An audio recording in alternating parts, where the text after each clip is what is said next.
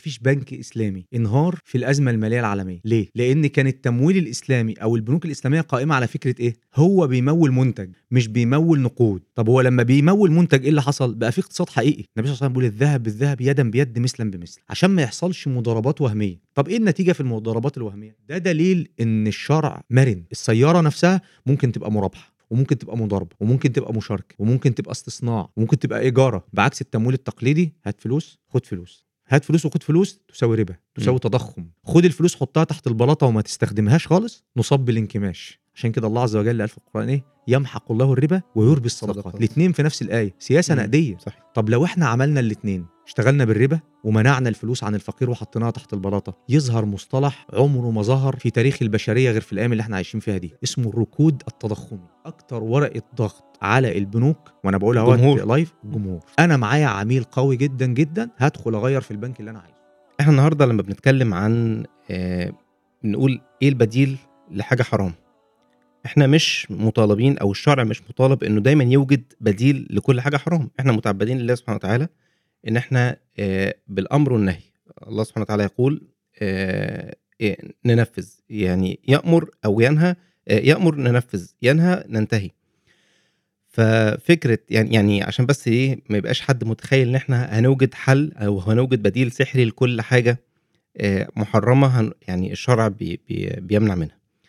وده في كل حاجة. يعني ده بس مش في باب المعاملات. في أي حاجة نتكلم مثلا على آه، ال- الشرع لما لما مثلا حرم الخمر. هو ما حطش بديل عشان تسكر يعني هو هو كل ما يذهب ال- العقل فهو آه،. محرم. آه، لكن في حاجات كتير آه، حط لها بدايل.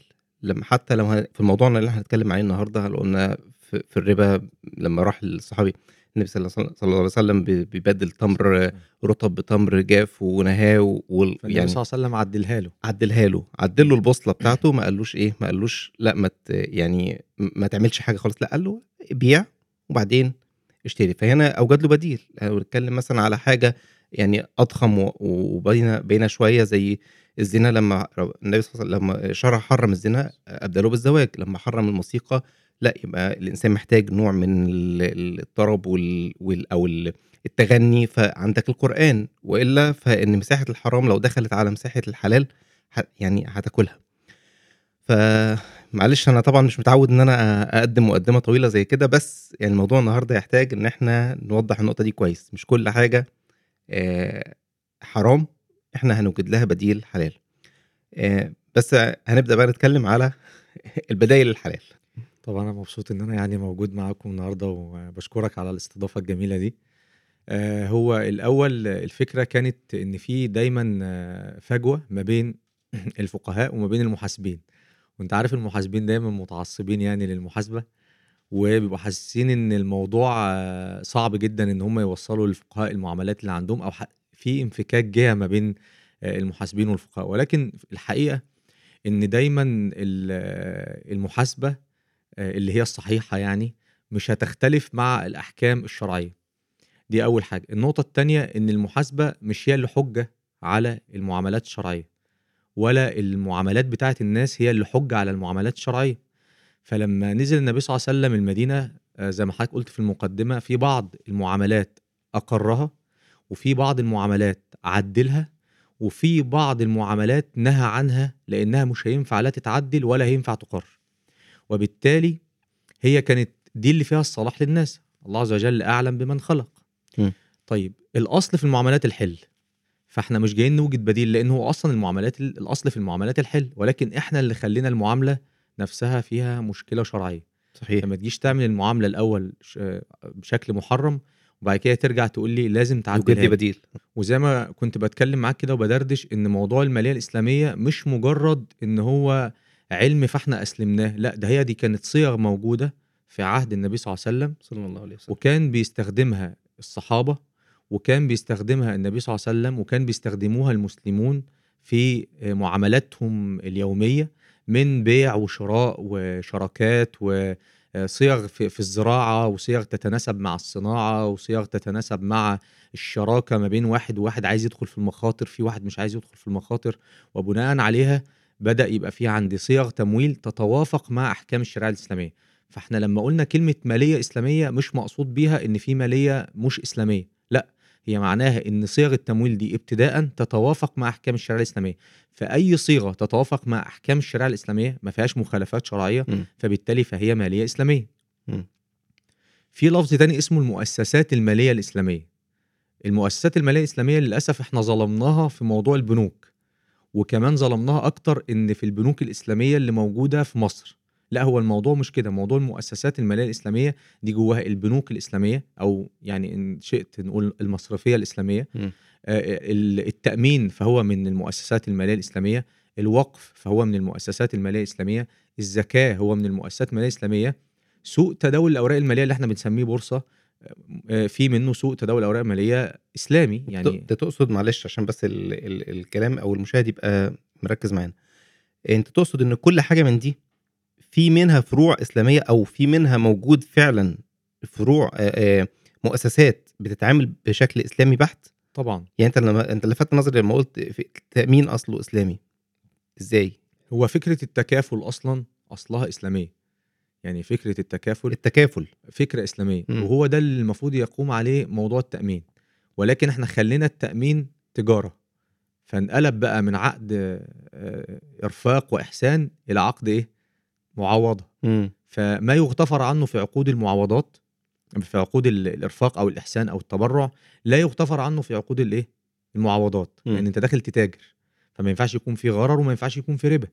أما في التأمين التكافلي لا ده أنت داخل أصلا من الأول تتبرع بالفلوس فأنت مش منتظر منها مش منتظر منها عائد. مم. طبعا فضلا بقى عن استثمار الأموال نفسها في ال- المحرمات أو في مشروعات محرمة. في التأمين التقليدي مش فارق معاه إنما في التأمين التكافلي لا في هيئة شرعية بتضبط هذه المعاملات. وبناء عليه كل مؤسسة من المؤسسات المالية الخمسة اللي أنا ذكرتهم اللي هم الوقف والزكاة والتأمين والأوراق المالية وال- والبنوك الإسلامية كل مؤسسة من المؤسسات دي عندها جهة شرعية المفروض تفتيها وتقول لها المعاملة دي جائزة لا المعاملة دي مش جائزة. العقد ده جائز لا العقد ده مش جائز. العقد ده بيتصحح لا ده ما ينفعش يتصحح. زي ما كان النبي صلى الله عليه وسلم بيعمل مع الصحابة لما نزل وشاف ال- ال- الناس بتسلف في, في الزرع بالسنة والسنتين ضبط المعاملة. قال لهم من أسلف فليسلف في كيل مع- بكيل معلوم ووزن معلوم وأجل معلوم. لا يعني أنا برضو عايز إيه عشان ال- اللي إحنا بنقوله يبقى كلام واضح آه للجميع. تقصد الألفاظ. آه فيعني اشرح المثال اللي أنت قلته ده. يعني النبي صلى الله عليه وسلم لما راح المدينة يعني اشرح المثال ده بالظبط إيه اللي حصل فيه عشان بس التصور يبقى واضح. هو أنا النهارده يعني صيغ التمويل الإسلامي أو صيغ المالية الإسلامية جت من فكرة إن أنا واحد عنده حاجة عايز فلوس أو عايز أموال والتاني عنده ال- الفكرة أو عنده النو هاو أو عنده المنتج اللي هو هيديهولي. فكده في طرفين أهو واحد عايز فلوس وواحد عنده الفلوس دي. صحيح. تمام؟ حلو. طيب في التمويل التقليدي أو في المالية التقليدية أنت بتعمل إيه معايا؟ أنا عايز فلوس وأنت عندك فلوس تعمل إيه؟ سلفني. هتديني فلوس. آه. شكرا. م- م- تمام؟ طب أنت اديتني فلوس الفلوس دي اسمها إيه؟ اسمها نقود. م. النقود دي اديت لو أنت اديتها لي في شكل نقود يبقى راجب إن أنا أرجعها لك إيه؟ أرجعها لك نقود. طب م. في حد في العالم هيسلف حد نقود ويرجعها نقود من غير ما يكون فيها زيادة؟ دي إلا لو قرض حسن طبعا يعني فبالتالي ده هنخرجه بره صيغ التمويل اللي إيه اللي هي المنتشرة.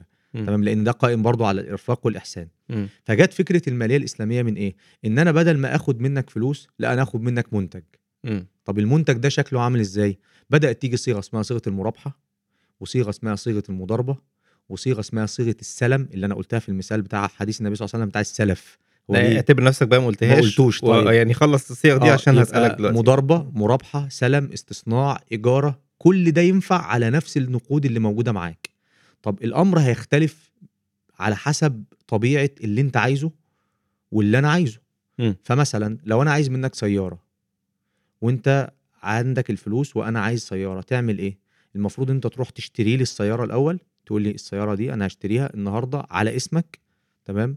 بمبلغ 200000 ولما هشتريها هبيعها لك آجل لمدة 3 سنين ب 250 ألف جنيه. كده أنا بقيت أنا كراجل طالب التمويل عارف التكلفة وعارف الربح. التكلفة اللي هي كام؟ 200 وال50 اللي هو الربح. فاتسمت صيغة مرابحة ليه؟ لأنها معلومة التكلفة ومعلومة الربح. حلو.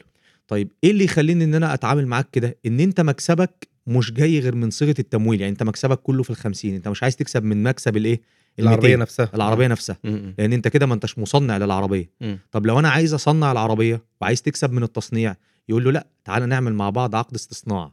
أنا هقول لك لو سمحت صنع لي الحاجة الفلانية ممكن بقى آه، مثال أكتر آه، الفرنتشر مثلا أو الأثاث. حلو. انت بتقول لي آه، أنا معايا فلوس وعندي صنعة وأعرف أشتغل بإيدي وعندي مجهود وأنا محتاج الاساس ده هتعمل معايا إيه؟ هتقول لي تعالى أنا هديك مواصفات معينة للأساس وبناء عليه أنا هروح أقول لك خلاص أنا موافق على المواصفات دي فأنت هتبيع لي حاجة موصوفة هي في الذمة مم. تمام؟ بناء على عقد اسمه عقد الاستصناع ساعتها بقى أنت تربح زي ما أنت عايز. طب إيه مم. اللي يخليني إن أنا أروح لك؟ وإيه اللي يخليني إن أنا أقبل الشروط بتاعتك؟ لأن أنت بقى عندك نو هاو في التصنيع ومعاك السيولة اللي تفند بيها أو تمول بيها. طب أنا مش معايا تمويل. هتقولي طب ادفع مقدم.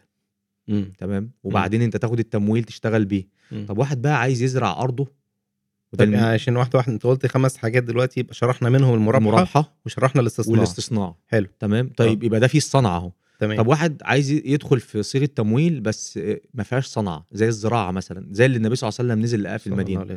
لقى الناس بت بت بتسلف أو بتسلف في الزرع. يعني إيه بتسلف في الزرع؟ يعني يتفق على الزرعة بالسنة والسنتين. تمام يقول لك أنا هديك الزرعة دي. يعني يشتري محصول قدام؟ بالظبط. فالنبي صلى الله عليه وسلم قال لهم إيه؟ ضبط المعاملة دي. قال له ادفع الفلوس كلها مقدم. مم. يعني أنا أنت عندك أرض وعندك مهنة الزراعة وبتعرف تزرع. مم. فأنا هديك الفلوس كلها مقدم وأنت هتورد لي زرع معين أو حبوب معينة أو نبات معين. مش لازم اللي من الأرض دي لا من أي أرض. أنا متفق معاك على ضوابط معينة ومواصفات معينة للحاجة اللي أنت هتسلمها لي. طب وزنها قد إيه؟ أنا محتاج 3 طن. طب مواصفاتها قد إيه؟ مواصفاتها واحد اتنين تلاتة أربعة. طب هتكون موجودة في الوقت اللي إحنا هنتفق عليه؟ آه هتكون موجودة. طيب تكلفتها كام؟ تكلفتها مئة ألف. اتفضل المئة ألف كلها مقدم من غير ما اسال بقى على تفاصيل هنا مش تك... مش اتكلفت قد كده ومكسبي قد لا كده مالكش دعوة. ماليش لأن دعوة. دي مش من بيوع الأمانة بالظبط. اللي هي بتاعة المرابحة. أيوه. تمام؟ يبقى أنا دلوقتي عملت نفس الصيغة بس أو عملت حليت مشكلة التمويل بس بصيغة جديدة. إيه اللي هيخليني أنتقل من المرابحة للاستصناع للسلم؟ حاجة الممول وحاجة طالب التمويل. مم. الاتنين هيتفقوا على إيه. كل الصيغ دي النبي صلى الله عليه وسلم ضبطها في المعاملات. وكان ليها اسم موجود في عهد النبي صلى الله عليه وسلم. فلما أجي أقول مالية إسلامية فمقصود بيها إن الصيغة دي كانت موجودة في عهد النبي صلى الله عليه وسلم وكانت موجودة والقرآن بينزل والسنة بتتقال للصحابة وفي بعض الصيغ منها أقر... النبي صلى الله عليه وسلم أقرها وفي بعض الصيغ النبي صلى الله عليه وسلم عدلها. وفي بعض الصيغ النبي صلى الله عليه وسلم نهى عنها تماما. صلى الله عليه وسلم. فنهى النبي صلى الله عليه وسلم عن السلف والبيع. سلف والبيع في بيعة واحدة. في بيعة واحدة. طب ليه؟ لأنه بقى متناقض. إيه معلش برضو إيه أنا مش عايز النهارده نعدي الحلقة. لا لا عادي. أي إيه، لفظ آه، نتكلم فيه مصطلحات مفيش أو مشكلة. ألفاظ تكون غامضة. فيعني آه، سلف وبيع ليه النبي صلى الله عليه وسلم نهى عن ده نهى عن ليه النبي صلى الله عليه وسلم نهى عنه؟ لأن أنا دلوقتي بسلفك. تمام؟ فالمفروض إن ده عقد إرفاق وإحسان. ما تقوليش بقى إيه أنا هات لي فايدة مش هينفع أخد منك فايدة على القرض ده أو مش هينفع أخد منك نفع على القرض ده فبدل ما أنا آخد منك النفع مباشرة أقول لك إيه طب أنا بقى هشتري منك سلعة بس ادهاني بأقل من ثمنها. فالنبي صلى الله عليه وسلم يسد هذه الذرائع. ليه؟ عشان ما يتعارضش فكرة القرض اللي هو متاخد أصلا بإرفاق وإحسان مع فكرة التجارة في البيع والشراء. ففي بعض الصيغ اهوت زي النبي صلى الله عليه وسلم آه، نهى عنه عن المعاملة دي أصلا. بعكس بقى لما النبي صلى الله عليه وسلم واحد جاله من الصحابة بيديله تمر. فالنبي صلى الله عليه وسلم لما أت- لم لا لما لقى التمر شكله جيد كده فقال أكل التمر مثل هذا؟ كل التمر اللي عندكم حلو زي ده؟ قال لا ولكن استبدلت لك الصاع بالصاعين. خدت صاعين من التمر الرديء علبتين طبقين. من التمر الرديء ورحت بدلتهم وخدت مكانهم صاع من التمر الجيد. فالنبي صلى الله عليه وسلم قال أربيت إذ فعلت. اللي أنت عملته ده إيه؟ ربا. ربا. مم. سابه ولا قال بيع الجمع ثم ابتاع. بيع التمر الأول اللي هو الرديء ده وخد الفلوس وبعد كده اشتري التمر الإيه الجيد. ودي صو- صورة الناس لما بنيجي نتكلم فيها أنت أنت تقصد هنا إن هو حل المشكلة بس بطريقة تانية. بدل ما آه. تبدل تمر بتمر بيع التمر اللي معاك بالظبط. واشتري تمر تاني. ليه؟ لأن هو بيقول لك إن التمر ده في, في, في الوقت ده كان بيتعامل على إن هو آه، طعام. الناس كانت بتبدله وبتتعامل بيه على انه هو سلعة. فهو آه، على إنه نقد. على النقد. آه. فالنبي صلى الله عليه وسلم عايز يقطع مسألة النقد دي بيقول لك النقد ما ينفعش تتعامل معاه لأنه سلعة تباع وتشترى. طب لو اتعاملت مع النقود على إنها سلعة تباع وتشترى إيه اللي هيحصل؟ هنصاب بالتضخم. مم. طب لو اتعاملت مع النقود على هنا أنت هنا بتتكلم على الحكمة من من آه، تحريم. الربا. الحكمة. والحكمة دي على فكرة مش لازم تبقى واضحة لك. بالظبط ما ده دي اللفتة يعني. بس ممكن تبقى واضحة للمتخصصين. زي ما أنت بتروح لدكتور بتقول له أنا تعبان وعندي برد. تمام؟ فبيقول لك خد حباية دواء الفلاني كل 8 ساعات. انت ما بتشغلش دماغك انت بتاخد حباية كل بالظبط. 8 ساعات. مم. طب هل هو الدكتور اللي قال لك خد حباية كل 8 ساعات ده ما بيفهمش ولا هو فاهم وقال لك 8 ساعات ليه؟ هو فاهم عارف هو فاهم قال لك 8 ساعات ليه؟ طب لو انت سألته هيقول لك إيه؟ وحضرتك لك انت دكتور؟ مالك آه. طب انت مش دكتور. مم. طب لو انت شغلت دماغك بقى وخدت الثلاث حبات الصبح هيحصل فيك إيه؟ ما انت بتحسبها بالآلية يعني بتحسبها بالنتيجة مش بالآلية. مم. النتيجة يعني النتيجة إن أنا في نهاية اليوم خدت ثلاث حبات مم. طب أنا خدت الثلاث حبات مرة واحدة الصبح إيه اللي هيحصل فيك؟ تضر. هيقوم عليك. تمام؟ يبقى اذا أنت ما شغلتش دماغك في الموضوع ده ليه؟ لأن أنت مش متخصص فيه. ففي حكمة آه في حكمة. بس مش لازم الحكمة تكون باينة لك أنت. موجودة في المت- المتخصصين فاهمين الحكمة دي. وإذا كانت ممكن ما تكونش باينة من عشر سنين ممكن تبان النهاردة. هو هو برضه يعني زي ما قلنا في بداية الحلقة أنا مش متعبد يعني ربنا سبحانه وتعالى ما تعبدناش إن إحنا نعرف كل حاه آه، حكمتها إيه؟ يعني آه، بالظبط. ما تعملش كذا عشان كذا لأ هو ما تعملش دي.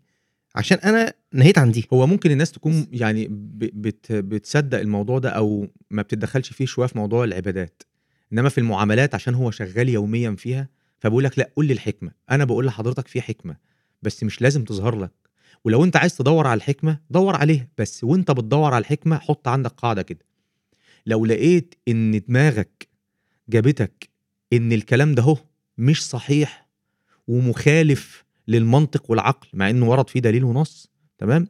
اتهم عقلك على طول, على طول. آه. ما تتهمش الإيه؟ ما الشرع. تتهمش الشرع ولا النص ولا الدليل. صحيح. تمام؟ وحاجة تانية لو لقيت صورة من صور التمويل الإسلامي بتطبق بشكل غير صحيح اتهم اللي بيطبقها ما تت... ما تتهمش الماليه الإسلامية. لأن الماليه الإسلامية دي يعني إيه كلمة ماليه إسلامية؟ أرجع تاني هي صيغ تمويل يا إما أقرها النبي صلى الله عليه وسلم يا إما صححها النبي صلى الله عليه وسلم تمام؟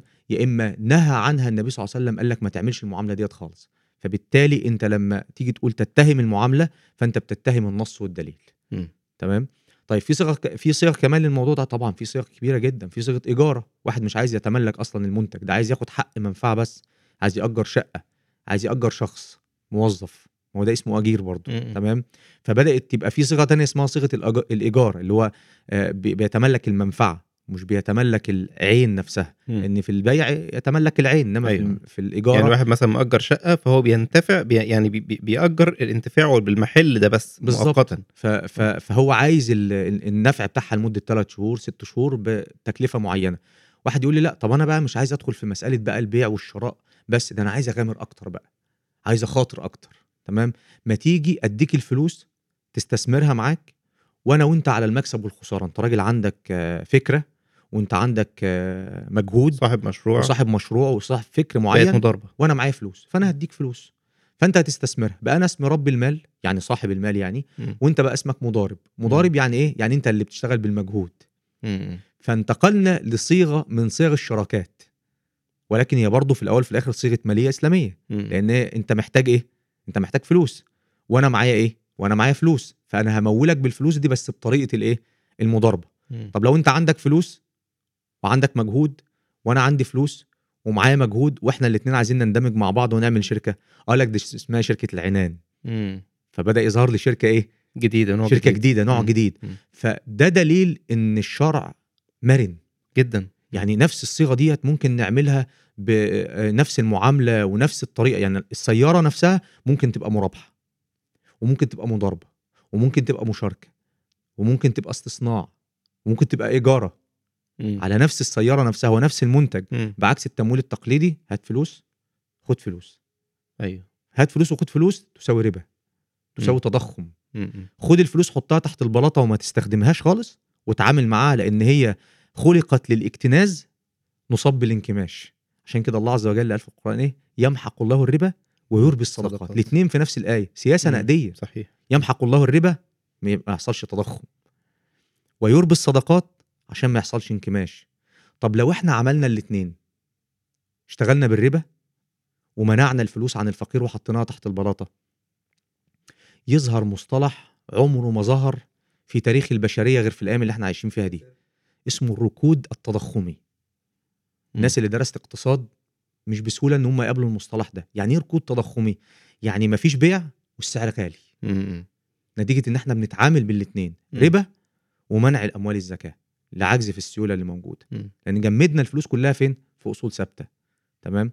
وبناء عليه صيغ التمويل الإسلامي أو المالية الإسلامية معناها صيغه تمويل تتوافق مع أحكام الشريعة الإسلامية. ممكن تكون كانت موجودة وبنبنيها أو بنطورها أو بنحسن منها. والأفضل بقى واللي أنا النهارده بنصح بيه الشركات إن أنا وأنا ببني صيغة التمويل بتاعتي لازم الأول أعمل لها شريعة اوديت باللفظ بقى الإنجليزي عشان الناس بتحب الإنجليزي قوي يعني. يعني يعني إيه شريعة audit يعني أعمل لها تدقيق شرعي. يعني إيه تدقيق شرعي؟ يعني زي ما أنت بتعمل دراسة جدوى مالية وزي ما بتعمل دراسة جدوى فنية وزي ما بتعمل دراسة جدوى تسويقية اعمل دراسة جدوى شرعية لل product ده يعني المنتج المالي ده. مم. شوفوا هل هو متوافق مع أحكام الشريعة الإسلامية ولا لأ. مم. تمام؟ مم. حتى لو في الحاجات بتاعة ال fintech والحتة بتاعه ال technology مع ال financial الحتة بتاعه ال AP لا بقى واحدة واحدة بس على الناس آه. يعني عشان إيه؟ ال fintech حتة اللي هو آه ال fintech ده اللي هو إن أنا خدت برضو يعني fintech يعني financial technology بالظبط. يعني التكنولوجيا المالية تمام؟ تمام. إن أنا آه، إزاي أعمل آه، أستخدم التكنولو- التكنولوجيا يعني طريقة السداد بقى اونلاين وال- والحاجات دي بس بصيغ تمويل. لو أنا حطيت معاها إن صيغ التمويل دي تتوافق مع أحكام الشريعة الإسلامية بقت Islamic fintech يعني أنا عايز أعمل مرابحه بس أستخدم فيها التكنولوجيا يبقى. ده Islamic fintech. حلو. طب الناس التقليديين أو العاديين بيعمل إيه؟ هو بيعمل fintech بس؟ مم. يعني ممكن يقول لك أنت عايز تشتري حاجة بالتقسيط. طيب ماشي أنا عايز أشتري حاجة بالتقسيط. تعمل إيه؟ روح عند ال store عند المخزن عند المعرض تمام؟ عند التاجر قول له أنا عايز الحاجة الفلانية. يقول لك تمام. عايزها كاش ولا قسط؟ تقول له كاش. تتك على ال application تاخد السلعة وتمشي. آه، قسط بقى. آه قسط. مين اللي هيسدد بقى الاقساط دي؟ الشركة اللي مولتك. أيوه. طب الشركة دي قبضت السلعة الأول؟ لا. تملكت السلعة الأول؟ طبعا لا. ده, ده زي شركات التقسيط اللي انتشرت الفترة الأخيرة آه اللي إحنا. يعني آه. منتشرين جا- جامد فيها. هو ما. تملكش السلعة. مم. فبالتالي هو بيمولك بإيه؟ مجرد إن هو دافع الفلوس بالنيابة عنك. وبياخد منك فلوس. طيب سلمك فلوس. وأنت هتسلمه أرباح أو فوائد فوق الفلوس دي. بقت نقد بنقد بزيادة معلومة. طب سلمك سلعة. يعني قبض السلعة الأول في إيده. مم. وبعدين سلمها لك بزيادة فدي بقت صيغة مرابحه أيوه. تمام؟ مم. طيب إمتى أو معنى إيه كلمة القبض دي؟ معنى كلمة القبض إن هو يمسكها في إيده أو تدخل في ضمانه. مش لازم هو يمسكها بإيده ممكن يبعت الوكيل بتاعه يستلمها الأول وبعد كده يسلمها لك. ممكن تدخل في ضمانه ولو لمدة دقيقة وده بيسموها القبض الحكمي في السلعة. وبناء عليه لو أنا عملت حليت الإشكال ده كله عن طريق التكنولوجي بقت Islamic fintech. قصدي إن التمويل الإسلامي أو المالية الإسلامية هو مرن حتى مع ال technology. يعني ما مم. تقولش ده أنتوا جايين بقى من عصر الجاهلية وانتوا بقى ناس بقى مشايخ وما تعرفوش حاجة في اللي بيحصل النهارده في البنوك. مين اللي قال لحضرتك إن إحنا ما نعرفش حاجة اسمها بنوك؟ ومين قال لحضرتك إن إحنا مش دارسين بنوك؟ النهارده بقى في certificates خاصة بال Islamic banking أصلا. مم. يعني في آه، شهادات مهنية معتمدة في التمويل الإسلامي في شهادات مهنية معتمدة في المحاسبة الإسلامية. ودي هنقولها بعد كده المحاسبة الإسلامية دي يعني إيه؟ وفي شهادات مهنية معتمدة في التدقيق الشرعي وفي شهادات مهنية معتمدة في الأسواق المالية الإسلامية وهكذا لغاية ما في ماجستير النهارده في المالية الإسلامية وفي دكتوراه في المالية الإسلامية. مم. فبالتالي إحنا مش منعزلين على الواقع ولا حاجة بل بالعكس ده النهارده بقى في معايير شرعية بتضبط هذه المعاملات. مم. يعني خلاص بقى الموضوع ما عادش إيه أنت إيه رأيك في المعاملة الفلانية؟ فتقول لي والله ده أنا الشيخ الشيخ الفلاني بيقول غير جائز والشيخ الفلاني بيقول جائز. الموضوع بقى فيه معايير. يعني يمكن إحنا كمحاسبين وحضرتك محاسب يعني آه كنت. آه لا وما زلت برضه انت أستاذنا يعني. فمجال المحاسبة نقول إيه؟ أنت بتسجل المعاملات المحاسبية دي بناء عن إيه؟ يقول لك بناء عن المعايير المحاسبية الدولية أو المعايير المحاسبية المصرية. فما فيش حد عنده خلاف في المعايير المحاسبية. طيب فبدأت ال- الهيئات ال- المهنية المعتمدة زي الإيوفي طبعا ودايما أنا بتكلم عن الإيوفي أو هيئة طب المحاسبة. يعني قبل ما ندخل بس في مسألة ال- الهيئات عشان دي, دي ده, جزء طيب، لوحده عايزين طيب نتكلم أنا عليه. عايزك تمسكني كده آه يعني أنت ما شاء الله عليك آه، منطلق فيعني أنا. بقى واضح إن أنا محتاج افرملك لا شوية. فرملني براحتك. طيب. أنت دلوقتي قلت إن يعني كمالية إسلامية إحنا كل ده كنا بنشرح يعني إيه هي المالية الإسلامية وإن المالية الإسلامية شيء مرن جدا وكل حاجة فعلا أو مش كل حاجة ليها بديل هي الأصل إن إحنا عندنا صور شرعية للتعامل لحل كل مشاكل آه، التعاملات الم- المالية بشكل عام. هي دي المالية الإسلامية. صح كده؟ زي ما وضحت أنت الأمثلة المرابحة ال- المضاربة ال- الاستصناع وغيره. وعشان أريحك برضو غرض الحصول على السيولة جائز. ولكن الآلية هي اللي محرمة. حلو. غرض الحصول على السيولة يعني أنا عايز يعني. يكون إن أنا محتاج تمويل لأي مشروع أو جائز. تمويل شخصي ده آه. جائز. بس إزاي هي دي بقى اللي هي دي اللي إحنا نقعد نتكلم فيها آه، هي حلال وحرام. م. بالظبط. طيب انت دلوقتي قلت ان كل إن يعني الشريعة الإسلامية مرنة جدا في التعامل مع آه، المعاملات الإسلامية وإيجاد ال- ال- الحلول لكل المشاكل اللي ممكن تقابلنا في السوق. الواقع في الغالب بيبقى غير كده. يعني أنا النهارده مثلا عشان أروح أشتري عربية بالتقسيط أروح أدور على بنوك أدور على شركات تقسيط أبص ألاقي كل الشركات وكل البنوك عندها مشاكل شرعية. مش ه- مش هقول كل يعني لأن برضو يعني في بعض ال- النقاط اللي بيكون فيها خلاف ما بين العلماء بعض ال- ال- العلماء حلوها وبعض ال- العلماء حرموها. ف آه، الشخص أو كفرد أو ككيان بزنس أو كده يعمل إيه بجد عشان يعني يبقى عارف عايزين نحط له خريطة يمشي عليها. ما هو النهارده هو يروح لبنك الفلاني هيديله معاملة يقول له لا المعاملة إسلامية فرع المعاملات الإسلامية أو البنك الإسلامي الفلاني. والبنوك الإسلامية بيبقى فيها معاملات كتير محرمة. فأنا النهارده عايز وصفة شكل المعاملة عاملة إزاي. هنتكلم مثلا على القروض. أنا النهارده عايز. أو أو خلينا نتكلم إيه في الحاجة اللي تهم كل الناس فعلا والحاجة المنتشرة بشكل كبير التقسيط. تمام. أنا النهارده عشان أروح أشتري سلعة بالتقسيط ولتكن سيارة مثلا. المفروض أعمل إيه؟ طيب هو خلينا نتكلم عن الواقع والمأمول. تمام؟ جميل. المفروض إن البنوك الإسلامية لو إحنا قلنا دي بقى نوع من أنواع أو أشهر نوع من أنواع المؤسسات المالية الإسلامية هي البنوك. تمام؟ فأنت لما بيجي في دماغك مؤسسات مالية إسلامية بيجي بنوك على طول. بس حلو. إحنا قلنا هم مش البنوك بس. طيب فالبنوك دي مش إحنا اللي عملناها. يعني ك كناس بتصيغ المعاملات مش إحنا اللي اخترعنا البنوك. لا البنوك دي موجودة واقع فاحنا دورنا إن إحنا نطور منه بس. البنوك الإسلامية لما بدأت ما كانتش بالصورة اللي موجودة عليها الآن نهائي. كان كل واحد شغال بدماغه وكل واحد شغال بمزاجه. هي تمام. بدأت إمتى البنوك الإسلامية؟ لا البنوك الإسلامية بدأت من أكتر من 100 سنة. يعني أول حد بدأ يكتب في البنوك الإسلامية أو يعمل فكرة البنوك الإسلامية كان الدكتور أحمد نجار رحمة الله عليه مصري. تمام. كان جت فكرتها من آه كان هو قاعد في ألمانيا وبدأ يعمل حاجة اسمها بنوك الادخار. شاف. بنوك الادخار دي موجودة بره في ألمانيا. مم. فبدأ يطبق الفكرة ديت في في مصر. يجي في قرية اسمها ميت غمر تمام؟ آه، في المنصورة. ويبدأ يعمل آه، زي بنك صغير كده في كل قرية يجمع فيه الفلوس بتاعه الناس. بشكل استثماري صغير وبعدين يبدأ يمول مشروعات للقرية دي. فبقى حل مشكلة القرية وهكذا بدأ ينتقل في الإيه في المسألة ديت من القرى اللي حواليه لغاية ما بدأ يعمل فكرة بنوك الادخار. فالفكرة الأول كانت فكرة إيه؟ فكرة تكافلية فكرة مع مبنية على صيغ التمويل الاسلامي ولكن بعد كده بقى فكرة التمويل أصلا اللي هو البنكي كله كان قائم على فكرة إيه؟ نقود بنقود بفايدة ثابتة. خلاص أنت بتشتري فلوس وبتبيع فلوس. فجاء الناس اللي بدأوا يأسسوا الموضوع البنوك الإسلامية دي بدأوا الأول من إيه؟ بدأوا الأول من المعايير المحاسبية.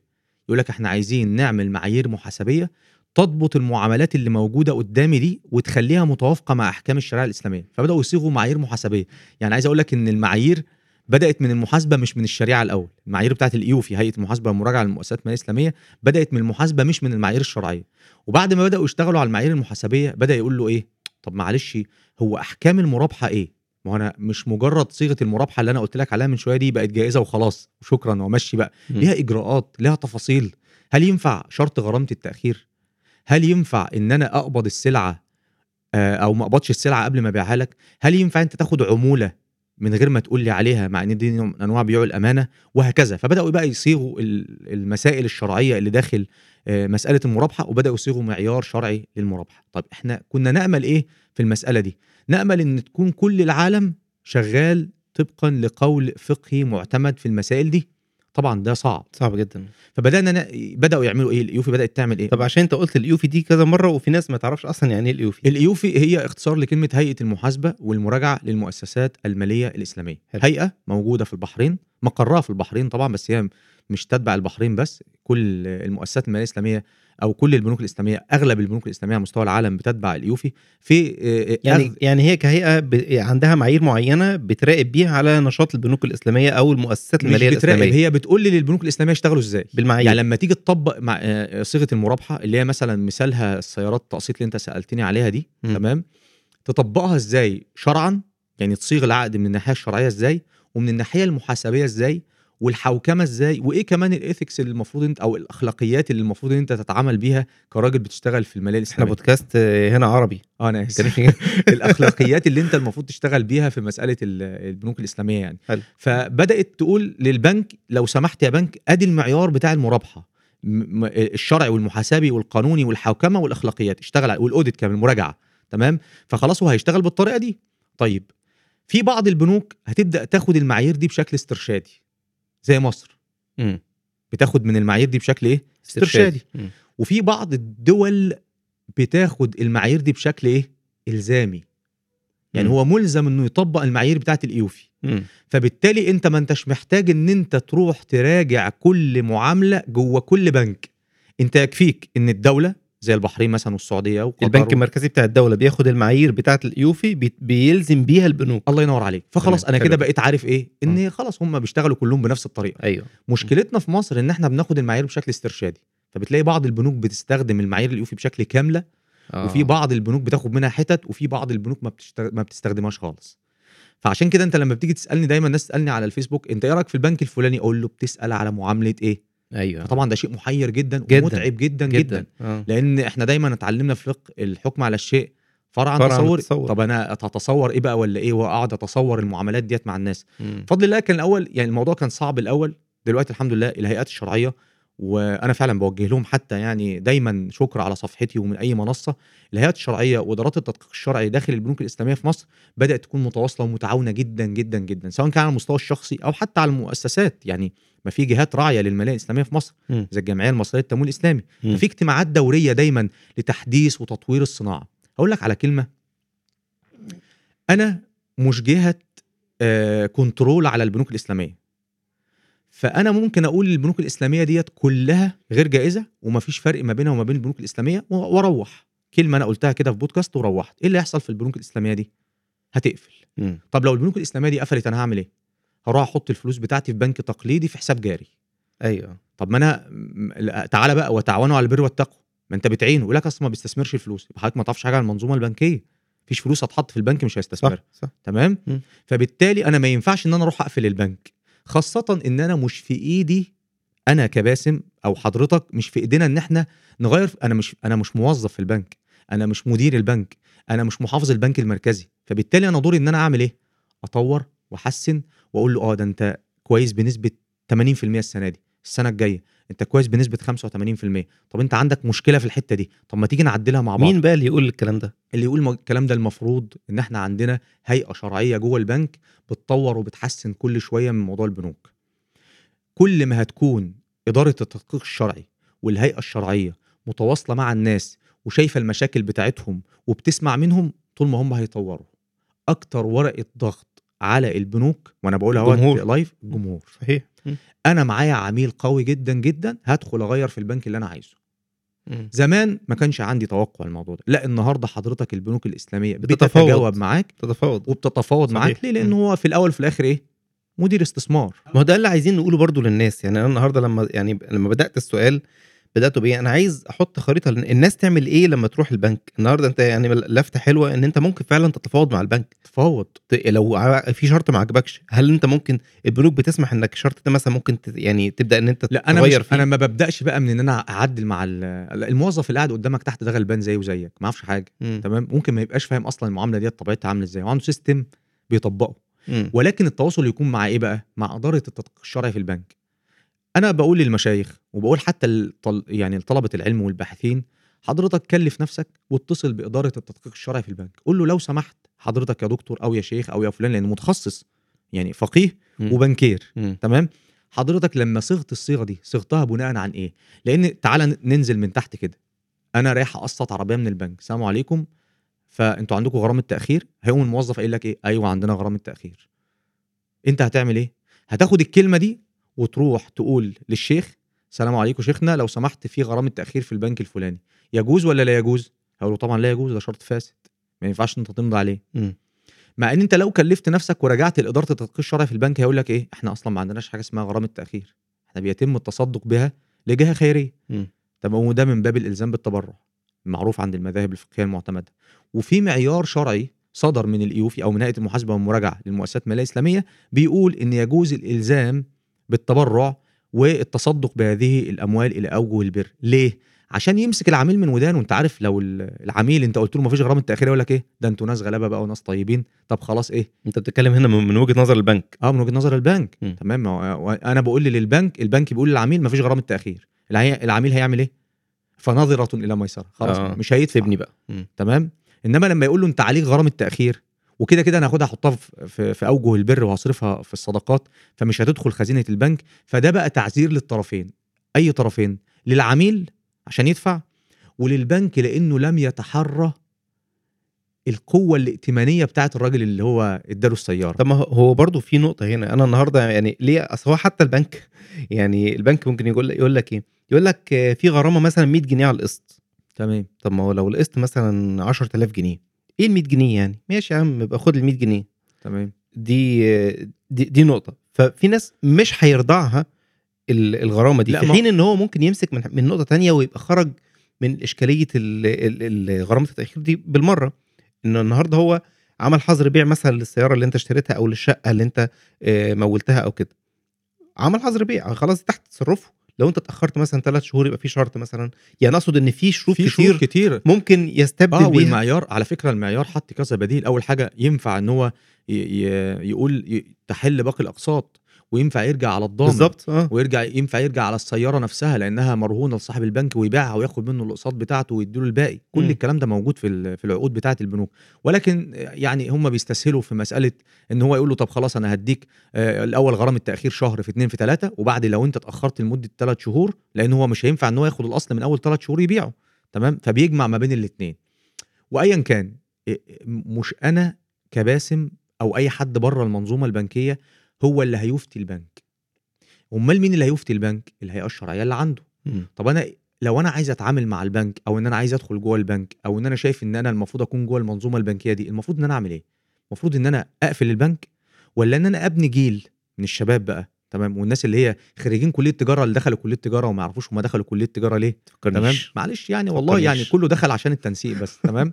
فهو مش عارف هو دخل كلية تجارة ليه؟ وأقول له يا ابني أنت في إيدك صنعة. أنت في إيدك خير. مم. انت ممكن تبقى محاسب زكاة شركات انت ممكن تدخل الجنة من المحاسبة. أنا لما كلمتك في في التليفون عشان الحلقة اللفتة دي عجبتني. يعني أنا تخصصك آه، برضه إحنا طبعا دي, دي خروج عن الموضوع شوية بس يعني يعني اللفتة دي حلوة أنا أقولها في السريع ون ونكمل اللي إحنا كنا بنقوله. آه، اللي عجبني في اللي أنت بتعمله إن أنت يعني خدت المجال في حتة حلوة. يعني أنت استغليت ال- الخبرة أو استغل استغليت العلم آه، في م- ال- التخصص في مجال المحاسبة. مع ال- الزكاه مع خبرة بالزكاه مع يعني التدقيق الشرعي جمعت جمعت بين كل ده وبدأت أنت توجه الشركات أو ت يعني تك... تبقى أنت مدقق شرعي للشركات أو يعني ش- ده, ده يعتبر ده شغلك الأساسي صح؟ آه شغل ولا- اساسي صح كده؟ أنت مدقق شرعي للشركات آه. وبتحسب لهم الزكاه ويعني بتراقب على المعاملات المع- والناس الماليه وكده. عندها خير والله بس هو بيبقى عايز يسمع منك. يعني هو زي ما أنت قلت في بداية الحلقة خالص إيه البديل؟ تمام؟ فأنا بقول له أنا مش جاي أحقق أحلامك ولا أحقق أحلام العميل. أنا مم. جاي أقول لك ينفع المعاملة دي تتصحح ولا لأ؟ مم. لو تتصحح هنصحح هنصحح لو أنت لسه بتبني من الأول هيبقى سهل جدا عليا إن أنا أبني معاك. لو المعاملة دي حرام يبقى قطعا حرام. ما تع... ما, ما تاخدنيش بقى نقعد نتجادل في الموضوع ده. هتلغيها. هلغيها. خلاص؟ فأنت خلاص هو بقى عنده القابلية إن هو يطور ويحسن. وعايز أقول لك إن الناس لما بتعمل تطوير للموضوع ده وبتبدأ تشوف البدائل بيبدأ يشوف الخير. مم. يعني يبدأ يقول لك والله ربنا فتحها عليا لأن إحنا برضو عندنا معادلة في ال business مش موجودة في كتاب business اسمها البركة. صح. دي ما بتتقاس. حقيقي. يعني على رأي الناس بتوع المحاسبة آه، كل حاجة عايزين يقيسوها. إزاي تقيس المتغير ده؟ البركة ما ينفعش تتقاس. تمام؟ دي حاجة كده لوحدها. لا وسبحان الله الربا لما بيدخل في الشغل يعني. الواحد شا... أو الواحد شاف من دي تجارب كتير مريرة. جدا. جدا. وعايز أقول لحضرتك على ما فيش حد بياخد قروض ربوية وبيجادل إلا هو عارف إن هو عنده مشكلة جامدة جدا. صحيح. بس هو بيحاول يدي لنفسه الحقنة المسكنة لغاية أيوة. ما يعمل إيه؟ لغاية ما يقع. مم. ولما بيقع بيعرف إن ديت الإيه؟ السبب يعني. مم. طيب أنا أعرف أجيب عربية من بنك إسلامي؟ أعرف أجيب عربية من بنك إحنا كده. بنرجع لموضوعنا بقى. آه يلا السلام عليكم. أنا عايز أشتري منك عربية. فأنت مم. بتقول لي تمام. آه ممكن تمضي على الورقة دي؟ فأنت بتمضي على الورقة. أنت طبعا ما قريتش أنت مضيت على إيه. بس الورقة اللي أنت مضيت عليها دي اسمها الوعد بالشراء. ودي مرحلة اسمها مرحلة الإيه؟ الوعد. أنا بوعدك يا بنك. خلاص خليك أنت أنت البنك بقى بتتكلم كده أنت بتتكلم عن الخطوات اللي, خطوات. اللي البنك يمشي فيها. بالظبط. أول حاجة بيمضيك على وعد بالشراء. وعد بالشراء. حلو. إن أنا بوعدك أنت لما تشتري السيارة دي أنا هشتريها منك. حلو. خد بالك دي ما اسمهاش صيغة المرابحة. أمال اسمها إيه؟ اسمها المرابحة للواعد الآمر بالشراء. مم. مش مرابحة بس. مرابحة يعني أقول لك آه لو سمحت الموبايل ده ب 10 كسبني فيه 1000 أهو الموبايل أهو في إيدي. ب 10 كسبني فيه 1000 فهدولك ب 10000 خلاص دي مرابحة. أو مرابحة بسيطة. إنما المرابحة للواعد الأمر بالشراء هي دي اللي أنا عمال أعملها دي اللي بتتعامل مع البنوك. إن م. التاجر أصلا إن البنك نفسه مش تاجر. مم. ودي شبهة أصلا ناس كتيرة بقى يقول لك هو أصلا ما عندوش إيه؟ وسيط. ما عندوش آه، store فيه عربيات وما ما أنا عارف يا فندم إن هو ما عندوش store فيه عربيات. عشان كده قلت لك دي اسمها إيه؟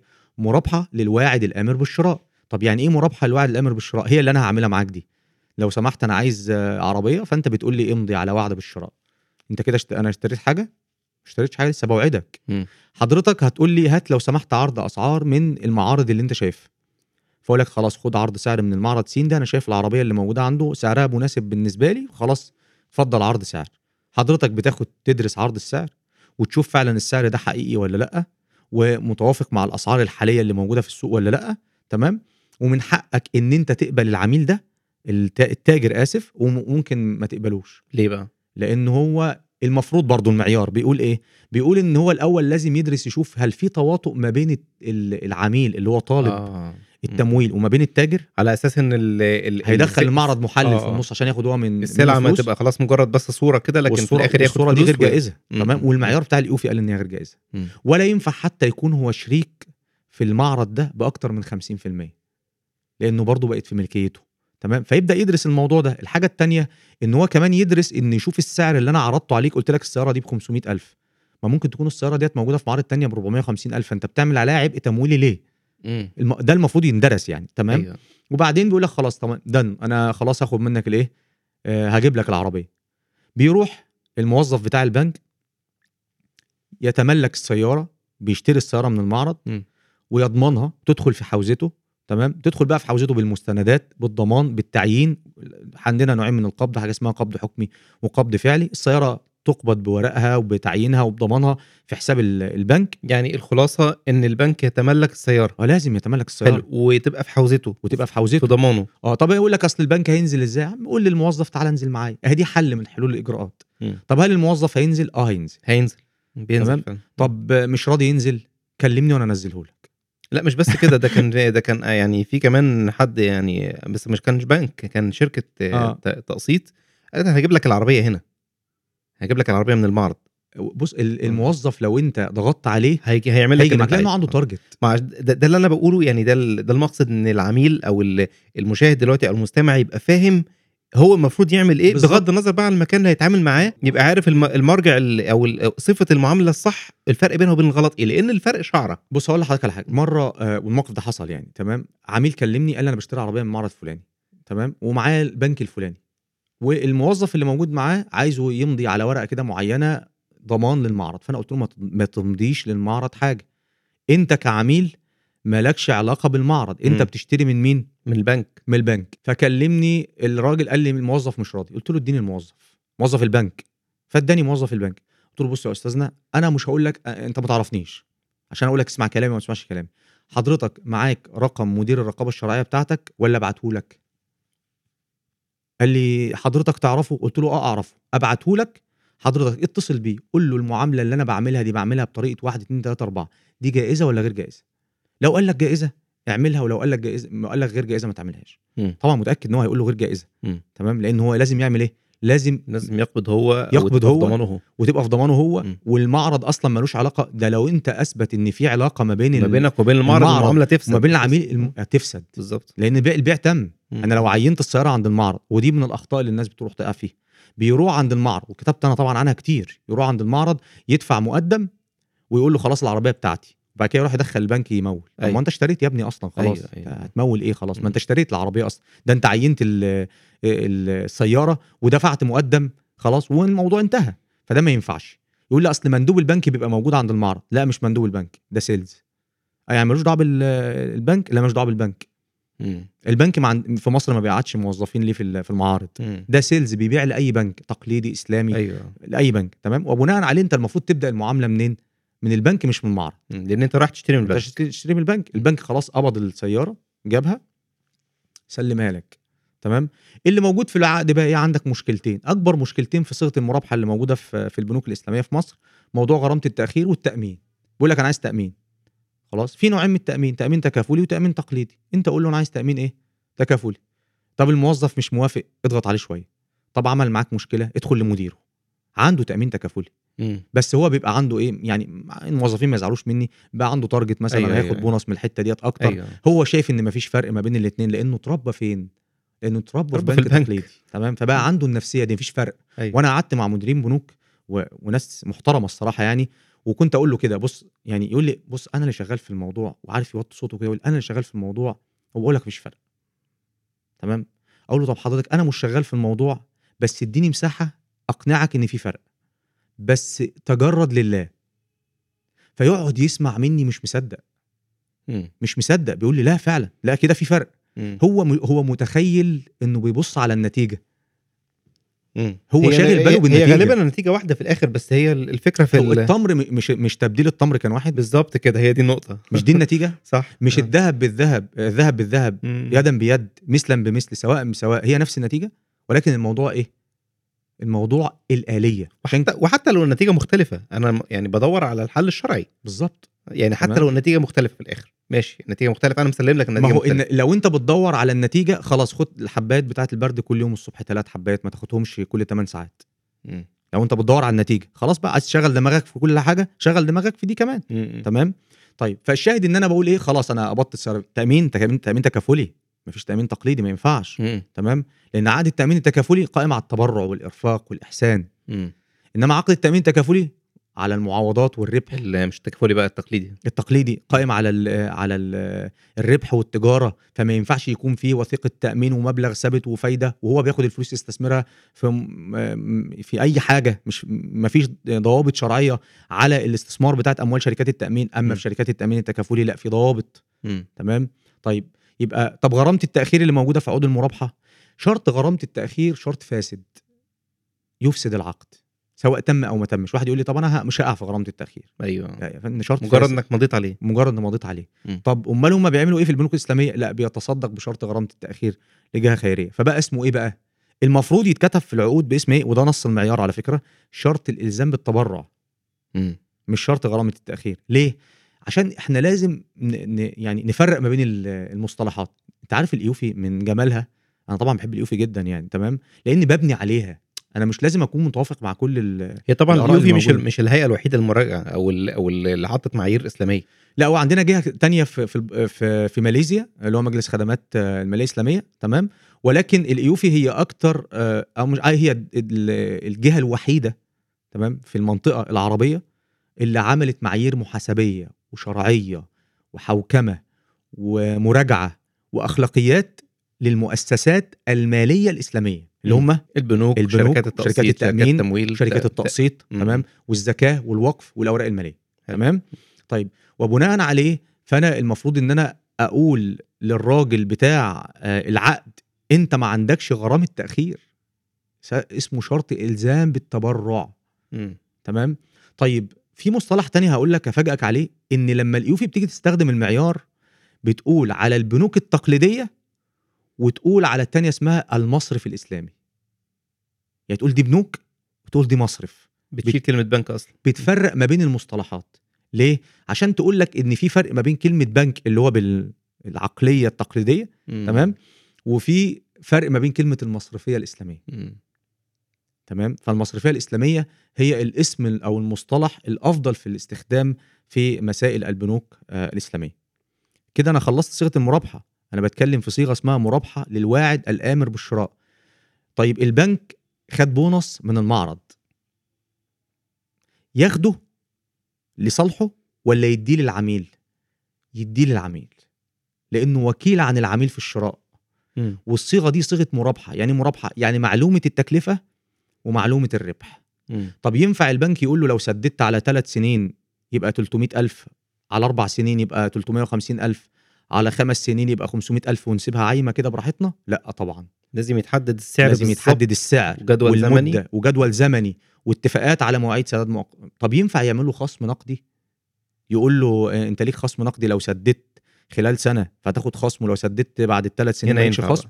لا ما ينفعش الخصم النقدي المشروط. مش مشروط. خصم لو راح يعني لو راح يسد بدري. لو راح يسد بدري. هنا أيوة، بقى من باب أيوة. الإيه؟ من باب الإقالة والتنازل عن الحقوق وكلام من ده. أيوة. إنما لو مشروط ابتداء بقى حديث النبي صلى الله عليه وسلم نهى النبي أيوة. صلى الله عليه وسلم عن بيعتين في بيعة. تمام؟ في بيعتين في بيعة. هنا هو كأنه برضو إيه؟ عمل ربا بس ربا إيه؟ بالعكس. بالعكس. تمام؟ يقول له إحنا هنسدد على ثلاث سنين. أيوة. يا عم إحنا متفقين خلاص على 350 والله أنت جبت في السنتين يبقوا 320 ومتفقين عليه ابتداء. بدل ما أقول له هي 320 ولو اتأخرت 350 أقول له لأ هو السعر الاساسي بالظبط. 350 ولو جيت بدري هعمل خلاص عامل لك ف... ف... عليه وعلى كل نفسي الكلام اللي أنا بقوله وإحنا قاعدين يعني بندردش ده المعيار الشرعي ضبطه. مم. طب إزاي أسجل المعاملات دي بقى كلها محاسبيا؟ أنت عارف يعني إيه محاسبة إسلامية؟ محاسبة إسلامية معناها أنا طبعا قعدت فترة طويلة بدور على اللفظ ده. هو الانعكاس المالي للأحكام الشرعية.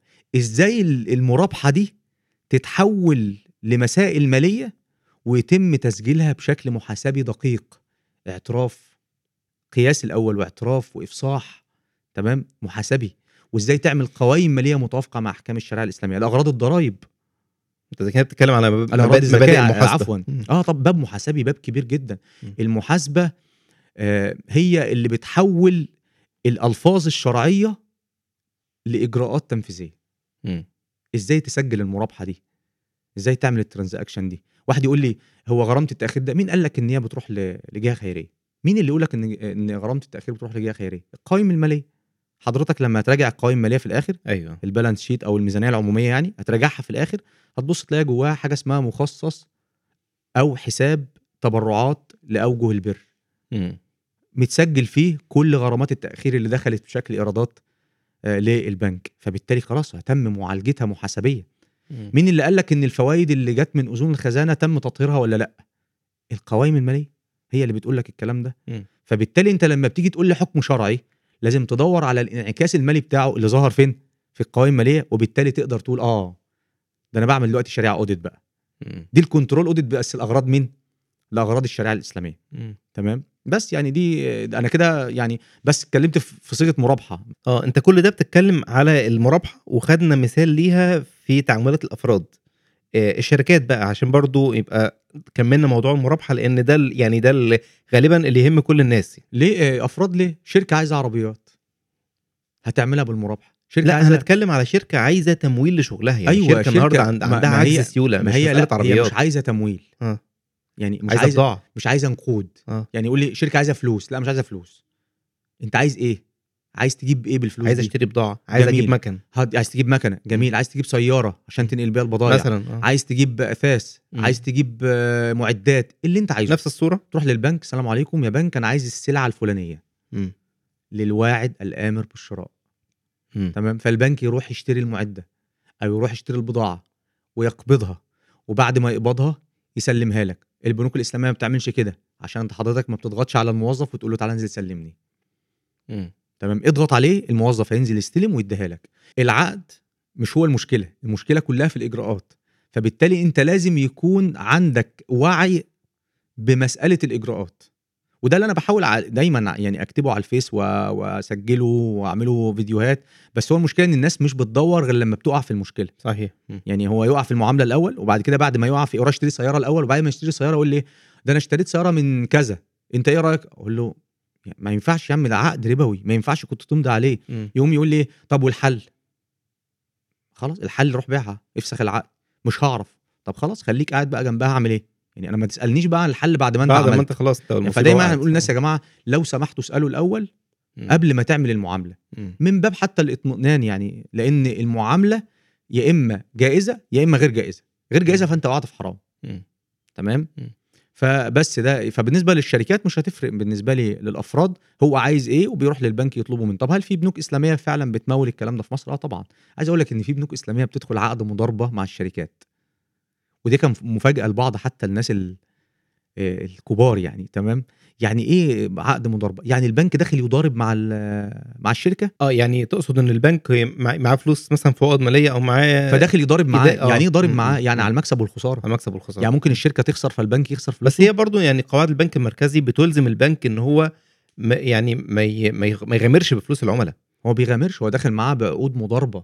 حلو. داخل معاه بعقود مضاربة ودي فعلا مضاربة شكلها إيه؟ عقود مضاربة شكلها إن لو لو الشركة خسرت خسرت وأثبت الكلام ده عن طريق مكاتب محاسبة قانونية معتمدة وعن طريق كذا كذا كذا يضمن معاه. ما وال بس دي بتبقى نسبة كبيرة نسبة صغيرة جدا في في أصول البنك. ما تبقاش نسبة بص يعني هي نسبة كبيرة نسبة صغيرة موجودة. موجودة. مم. مم. تمام؟ السلم موجود. الاستصناع موجود. البنك بيستسهل.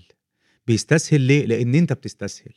إنما كل ما تضغط على البنك كل ما. يطلع. يعني هقول لك مثلا من أربع خمس سنين ما كانش عندنا microfinance Islamic يعني ما كانش عندنا تمويل شركات صغيرة ومتناهيه الصغيره إسلامي. مش موجود ده مش موجود في القانون المصري. مم. النهارده إحنا عندنا شركتين.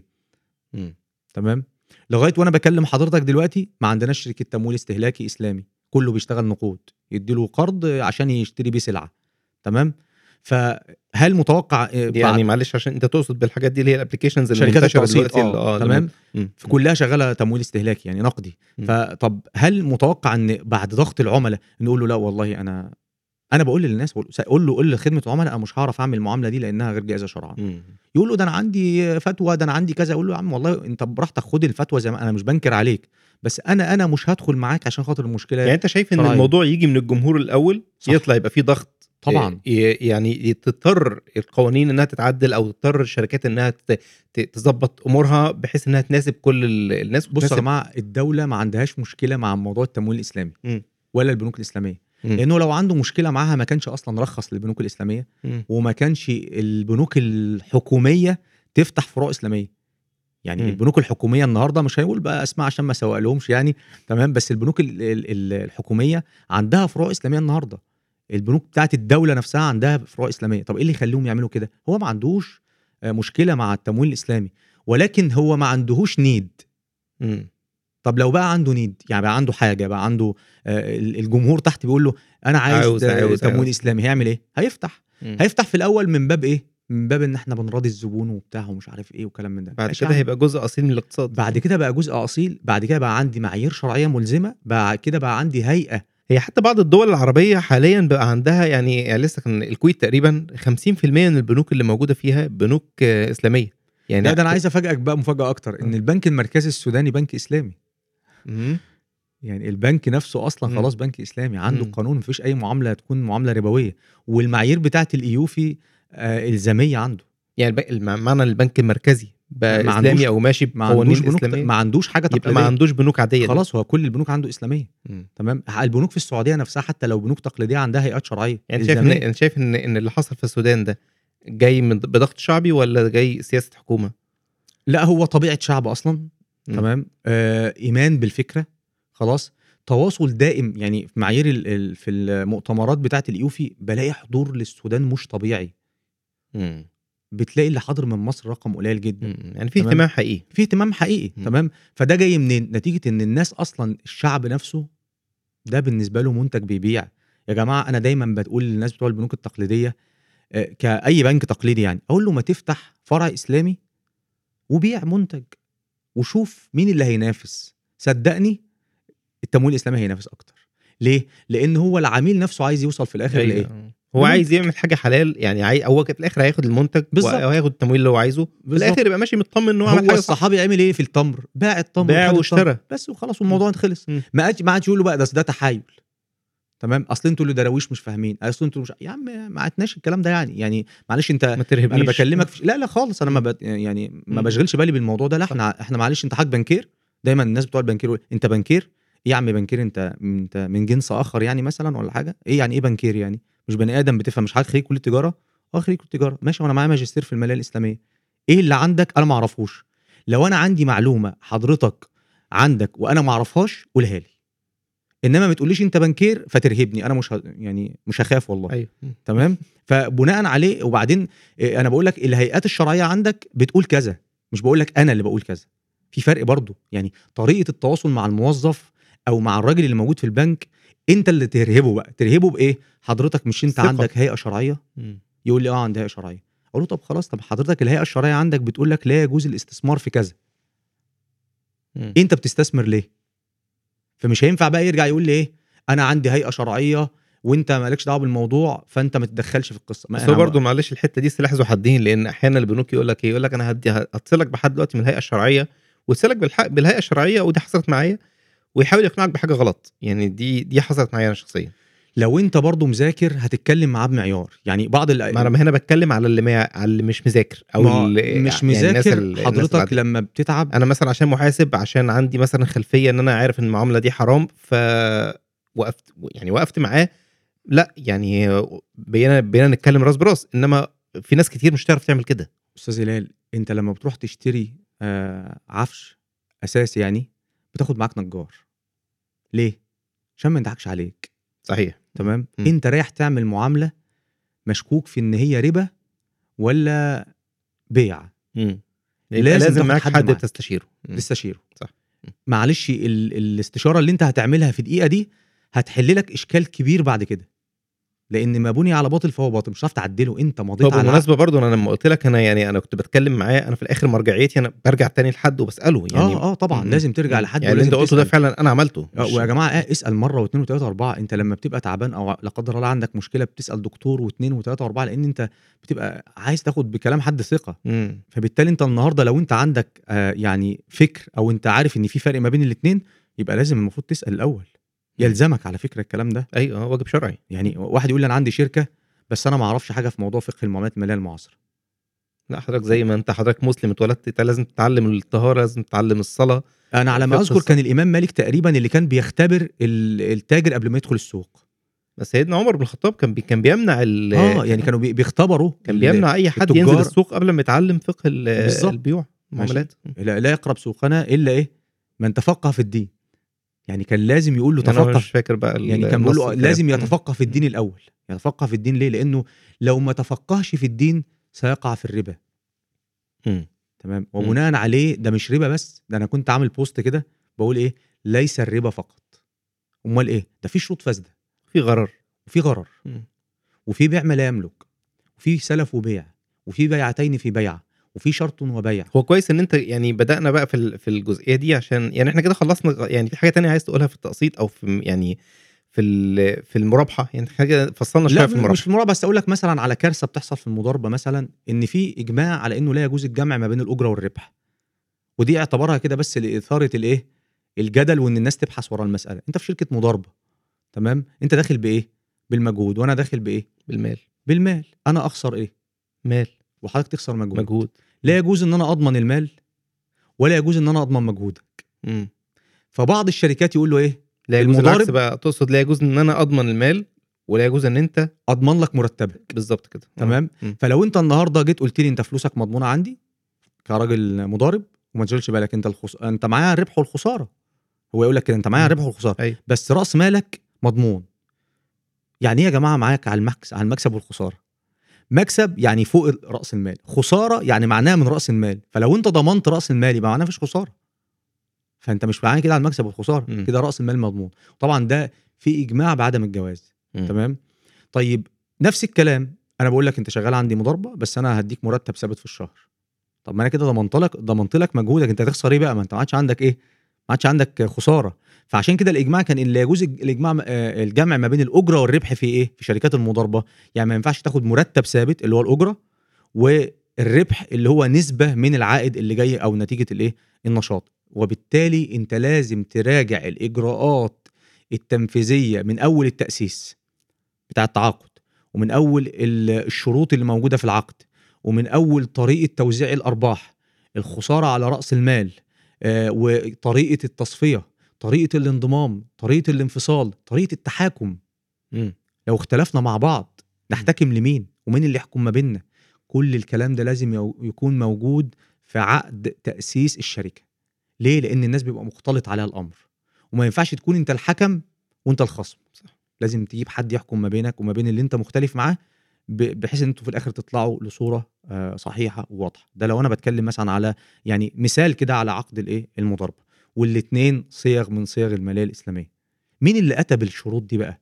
النبي صلى الله عليه وسلم. فاتسمت إسلامية ليه؟ لأنها كانت موجودة في الشريعة الإسلامية. فواحد يقول لي يعني في مالية نصرانية وفي مالية يهودية. والله لو الدين النصراني واليهودي جه بضوابط تضبط المعاملات المالية سميها مالية نصرانية عم. زعلان ليه؟ مم. بس مفيش. مفيش. الدين. المفصل بالنزل بالمعاملات ال- النبي صلى الله عليه وسلم كان بيقول للصحابة إن بيع الغرر غير جائز. في نفس الحديث نهى النبي صلى الله عليه وسلم عن بيع الغرر وعن بيع. الحصى أنا حتى أستغرب هو ليه النبي صلى الله عليه وسلم قال بيع الحصى في رواية تانية يقول وعن بيع المنابذة في رواية ثالثه يقول لك وعن بيع الملامسة ليه ليه النبي صلى الله عليه وسلم كان بيجيب الأنواع دي دي كانت البيوع اللي كان فيها علة الغرر. اللي كانت منتشرة في شبه الجزيرة العربية مم. فكأن النبي صلى الله عليه وسلم كان بيعلمهم فقه المعاملات المالية المعاصرة. ما ينفعش اعلم الناس أقول له نهى النبي صلى الله عليه وسلم عن بيع الغرر واسيبه وامشي. قول له يا عم الغرر دي يعني إيه؟ قول له إن التسويق الشبكي غرر. قول له إن شركات التأمين التقليدي غرر. قول له إن اللعبة اللي إحنا ابتلينا بيها في المولات إن واحد يخش يحط كوينز وينزل ياخد دبدوب ولا يطلع على أيوة. الفاضي قول له غرر. مم. قول له يعني إيه غرر؟ غرر يعني جهالة. يعني جهالة العاقبه يقول لك يعني طب أنت م- مش عارف هتاخد إيه قصاد اللي أنت مش عارف دفعته. تاخد إيه؟ يقول لك. بس إحنا متفقين. طب مم. ما هو الأمار متفقين. مش كل اللي تتفقوا عليه جائز.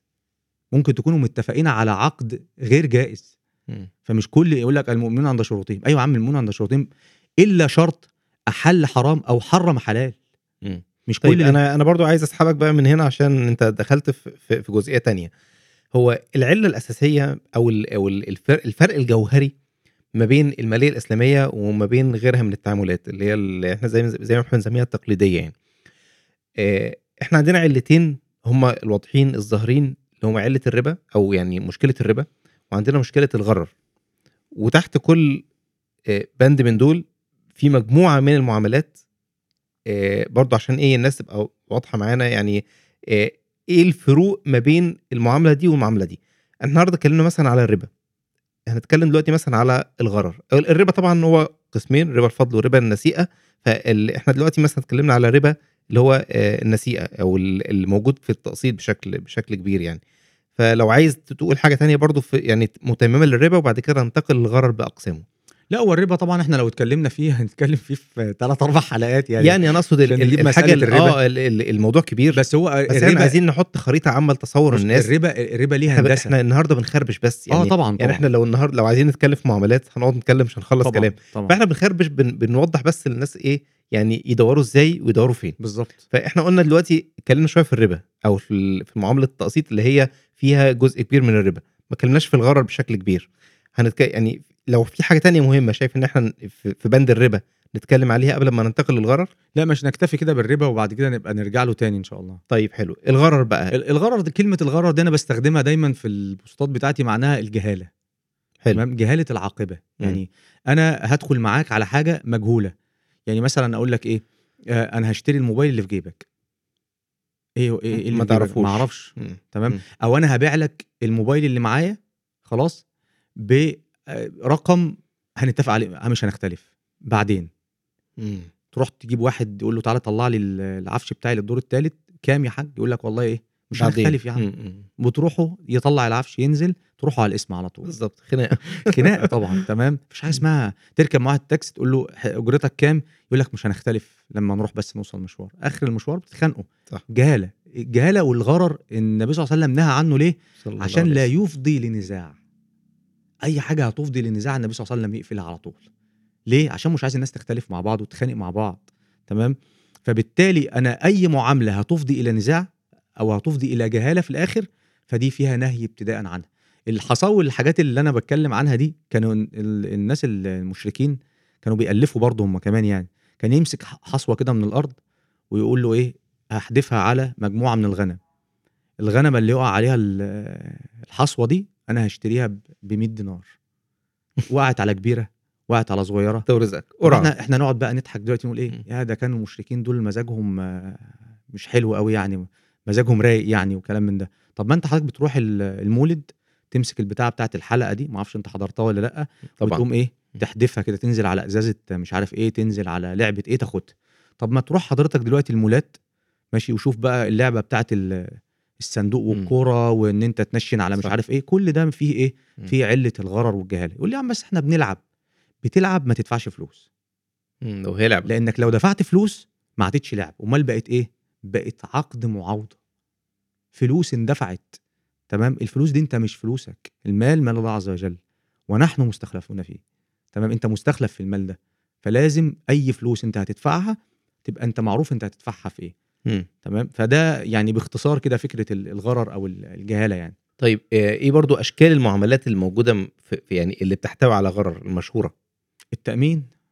في علة الغرر لأنه أنت بتدفع فلوس عشان في الآخر يا إما آه، يحصل لك يعني أو اللي بيدفع فلوس التأمين ده يا اما يحصل له حادثة يا إما يموت تمام يا إما يبلغ سن يبلغ سن معين ومكسبي متوقف على خسارة شركة التأمين والعكس إمم. لدرجة إن بعض المصانع يعني يعني مأمن ضد الحريق أو السرقة فما اتحرقش يوم يروح يولع في المصنع عشان عنده مبلغ تأمين كبير. وطبعا قصص معروفة كتيرة أيوه جدا آه. لأنه كان داخل من الأول بنية إيه المعاوضه إمم. ماشي؟ فجهالة العاقبة دي بقى هو ده علة الغرر اللي موجوده في التأمين. التسويق الشبكي.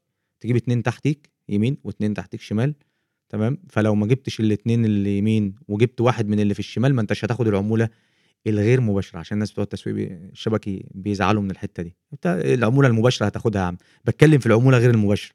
ومقابل الكلام ده انت هتدفع مبلغ في الأول عشان تشتري سلسلة فيها مش عارف إيه طاقة وتطلعك الفضاء والكلام العجيب اللي بيعملوه ده. إمم. غرر. أنت دفعت فلوس عشان حاجة أنت ما أنتش عارف أنت هتقبلها ولا لأ. فدي من صور ال- الغرر اللي موجودة أو الشهيرة يعني في, الواقع العملي يعني. طيب نرجع بقى لموضوع التمويل الإسلامي تاني، إحنا اتكلمنا على البنوك مع سواء مع الأفراد أو مع الشركات. إيه المؤسسات المالية التانية اللي ال شر لو في شركات تقسيط أو يعني برضه عايزين نتمم كده ال التمويل ال الشرعي ال ال م اللي منضبط بالضوابط الشرعية هو اللي. موجود في مصر دلوقتي البنوك الإسلامية وشركات التمويل للمشروعات متناهيه الصغر الإسلامية إمم. وفي أجهزة موجودة في الدولة برضو بتمول بشكل إسلامي بس أنا لسه دلوقتي بقى يعني آه بت يعني بتكلم معاهم بشوف هو مدى توافق العقد بتاعهم مع أحكام الشريعة الإسلامية والفكرة بقى الثالثه الأفراد الأفراد ما بينهم وبين بعض ممكن يمولوا تمويل إسلامي. إمم. يعني أنا عايز سيارة فبدل ما أروح للبنك بروح لواحد صاحبي أقول له اشتري لي السيارة دي وقسطها لي. تمام؟ عايز أمول مشروع بتاعي الشخصي. الراجل اللي عايز يمول المشروع ده عنده حاجتين يا إما هو عايز يعيش في مخاطر ومش عايز يعيش الراجل الممول في مخاطر أو هو مش عايز يتحمل مخاطر وعايز يخلي الممول اللي معاه يدخل في مخاطر. شوف الاثنين واحد يا إما أنت تتحمل المخاطر لوحدك يا إما رب المال يتحمل المخاطر معاك. لو أنت مش عايز تدخل الممول معاك في مخاطر خالص اعملها مرابحة. يعني إيه اعملها مرابحة؟ يعني تقول له أنا عايز البضاعة الفلانية عايز الآلة الفلانية عايز ال- المعدة الفلانية تعالى حضرتك صاحبي تعالى اشتري لي الآلة دي ومولها لي بصيغة المرابحة زي البنك كده بالظبط. تمام؟ مين اللي عليه المخاطر دلوقتي؟ أنا كصاحب شركة. ليه؟ المفروض إن أنا هدفع لك الاقساط بتاعتك على ثلاث سنين وخلاص. أنت مالكش دعوة بالشركة دي كسبت خسرت. خسرت حصل مشكلة. مرابحة. إمم. تمام؟ طب لو انت عايز تدخل معايا في المخاطر أو أنا عايز أدخلك معايا في المخاطر أو أنا خايف من المشروع مش ضامن الكاش فلو بتاعه أو التدفقات النقدية بتاعته اللي هتحصل خلال الثلاث سنين فهم قايل لك إيه؟ لأ بص أنا عايز أجيب آه، معدة وعايز أجيب بضاعة. مولني بالفلوس دي وادخل معايا بنسبة على ال- الربح. يعني هنوزع الأرباح اللي هتيجي من المشروع ده 60 40 وفي فرق ما بين توزيع الربح وتوزيع الخسارة. توزيع الربح قلنا كام؟ 60 40 بناء عن تقديراتنا. انت مجهودك لا ده أنا فلوسي لا مش عارف إيه حسب الاتفاق. مفيش ضابط لتوزيعات الأرباح ما بين المضارب وما بين رب المال إلا الاتفاق. مم. طب الخسارة هتبقى على مين؟ على رب المال. مم. اللي هو صاحب الإيه؟ صاحب الفلوس لأنه هو دخل بالفلوس. طب والمضارب يخسر إيه؟ يخسر مجهود. مجهوده. مم. فبالتالي تحولت صيغة التمويل الإسلامي من إن أنت تشتغل مع البنك أو تمول عن طريق مؤسسة أو تمول عن طريق شركة أو تمول عن طريق شركة تمويل متناهي الصغر ايا كان بقى المسمى بتاعها وإن أنت تتعامل مع الإيه؟ مع الأفراد. واحد يقول لي طب وأنت ليه ما بتقولش نروح نتعامل مع المعرض نفسه؟ عادي مفيش مشكلة. روح اتعامل مع مع المعرض نفسه. بس وأنت بتتعامل مع المعرض نفسه أنت بتتعامل معاه إيه؟ مرابحة.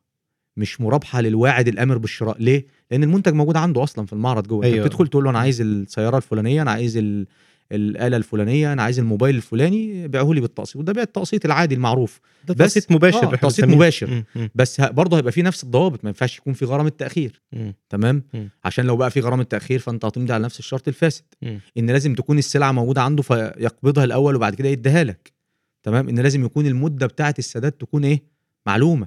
يعني يقول له أنا هسدد على سنة. ما ينفعش تبقى مفتوح على سنة تبقى 15 وعلى سنتين تبقى 20 ما ينفعش. لازم تتفق من الأول على سنة ولا سنتين؟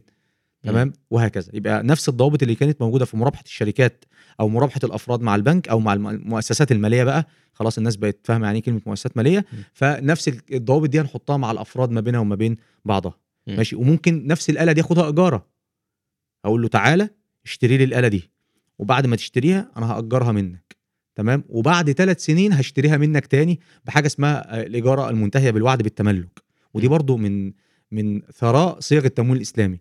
إن الإجارة لو كانت منتهية بالتملك الإلزامي يعني أنا أجر منك حاجة وبلزمك أنت تشتريها مني في نهاية الإيه؟ المدة غير جائز. إنما لو أنا أجرتها منك ووعدتني إن أنت هتملكها لي في الآخر سواء كان بالهبة أو بمبلغ زهيد على حسب الاتفاق وعد غير ملزم تمام؟ أصبحت جائزة. لأن عندنا ال- الإلزام يحول العقد من الوعد للإتمام يعني كأنه تم حصلت هنا حاجتين فحاجتين إيجار آه، وبيع إيجار وبيع. تمام.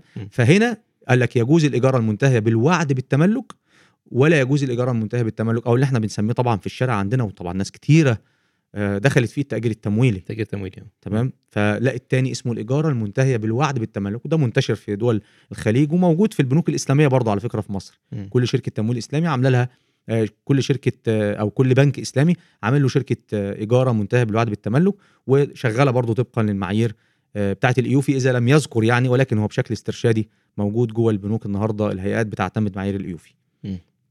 فده لو أنا هستخدم ال- ال- التمويل آه، مع الأفراد. يعني ممكن نقول إن الأف... آه، إن التمويل ممكن يبقى B to B وممكن يبقى B to C وممكن يبقى B to G يعني نفس فكرة ال- الشركات بتاعه ال startups ديت. آه عادي إيه المشكلة؟ وممكن يبقى سي تو سي مع عميل فرد مع فرد مم. تمام؟ يعني مفيش مشكلة. آه، آه، المهم يعني إحنا بن- بنتكلم على الضوابط. القواعد العامة. القواعد.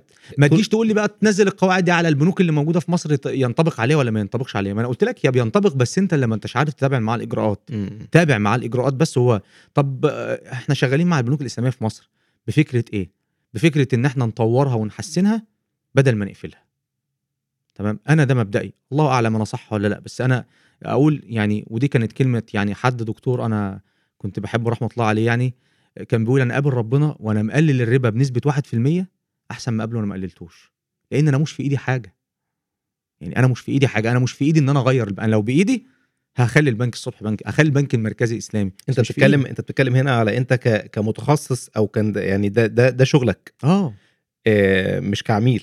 لا مش كعميل. لو ك... يعني إحنا بنتكلم لا كعملاء. عميل لا عميل يغير. عميل يغ... آه. يغير وي- ويدوس بس لو ويضغط. البنك رفض يعني لو وقف هو برضو النقطة هنا عشان يبقى ال- الكلام إيه له حدود واضحة. لو العميل حاول مع البنك والبنك رفض فالعميل خلاص المفروض يرجع. يرجع. معاملة محرمة الموضوع منتهي بالنسبة له. بس مين اللي لا هيقول يعني, إن هي محرمة؟ يعني ما يقولش إن في حرام أهون من حرام. فكرة إن لا إيه؟ لا لا لا لا يعني لا. شر أهون من شر لا دي بس لا. أنا بس عايز أريحك برضو إن يعني أغلب البنوك الإسلامية اللي موجودة في مصر المعاملات اللي موجودة عندها مش محرمة قطعا. يعني فيها سعه مم. ممكن تتطور. ممكن تتحسن. يعني مفيش مفيش بنك بيتعامل بالربا. مفيش بنك إسلامي بيتعامل بالربا. طب هو عنده مثلا آه، آه، أموال بيستثمرها بشكل معين بتبقى عليه ضغوط قانونية. وليها حل إن يتم تطهير الأموال. لو في أموال محرمة داخل البنك بيتم تطهيرها في حاجة اسمها آه، نسبة التطهير اللي إحنا دايما بنعلن عنها آه، على السوشيال ميديا. وعايز أقول لك على حاجة. خلينا نتكلم بصراحة. يعني مشكلة أذون الخزانه المشكلة الأكبر في البنوك الإسلامية. هو مجبر إن هو يستثمر فيها. دي قوانين دولة تمام؟ ولكن إحنا بنقول في الآخر إيه؟ نطهر من الأرباح. طب أنا عايز أقول لك مفاجأة بقى تمام؟ هو أنا النهارده عندي أنا عايز أرجع بس لنقطة نطهر من الأرباح دي نشرحها عشان لو حد إيه نطهر من الأرباح يعني لو أنا يعني ممكن تكمل لا ممكن آه لا لا. عادي ما فيش مشكلة نقول طيب. يعني لو أنا أطهر من الأرباح دي معناها إيه؟ يعني أنا لو في نهاية السنة القوائم الماليه بتاعة البنك هي اللي بتكشف كل حاجة. قالت إن الأرباح اللي أنت خدتها السنة دي فيها 30% من ناتجة من اذون الخزانة وأنت بتاخد بعدم جواز اذون الخزانة. مم. والبنك مجبر إنه يستثمر في أذون الخزانه تمام؟ لأن الهيئة عنده بتقول له استثمر في أذون خزانة. تمام؟ مجبر بالقوانين. مم. يبقى أنت حلك أنت كعميل تعمل إيه؟ إن أنت تتصدق ب 30% من الربح اللي ناتج من الشهادات بتاعتك اللي أنت خدتها من البنك. طب إحنا بنعمل كده ليه؟ لأن إحنا عندنا فيجن مع البنك عندنا رؤية مع البنك. إيه الرؤية اللي مع البنك؟ إن النهارده وأنا قاعد بكلمك أهو بدأت تطلع حاجة اسمها الصكوك الإسلامية. إيه الصكوك الإسلامية دي؟ هتكون بديل لأذون الخزانه. فبقى البنك الإسلامي حصته في الاستثمار في أذون الخزانه ممكن يستثمرها في الصكوك الإسلامية. طب لو أنا كنت جيت من 10 سنين قلت إيه؟ اقفل يا عم البنك ده. كنا وصلنا لفكرة الصكوك الإسلامية النهارده. لا هي دايرة بتكمل بعض. دايرة بتكمل بعض. إحنا بنطور وبنحسن البنك. ودي يعني ما أدين بإلى الله عز وجل.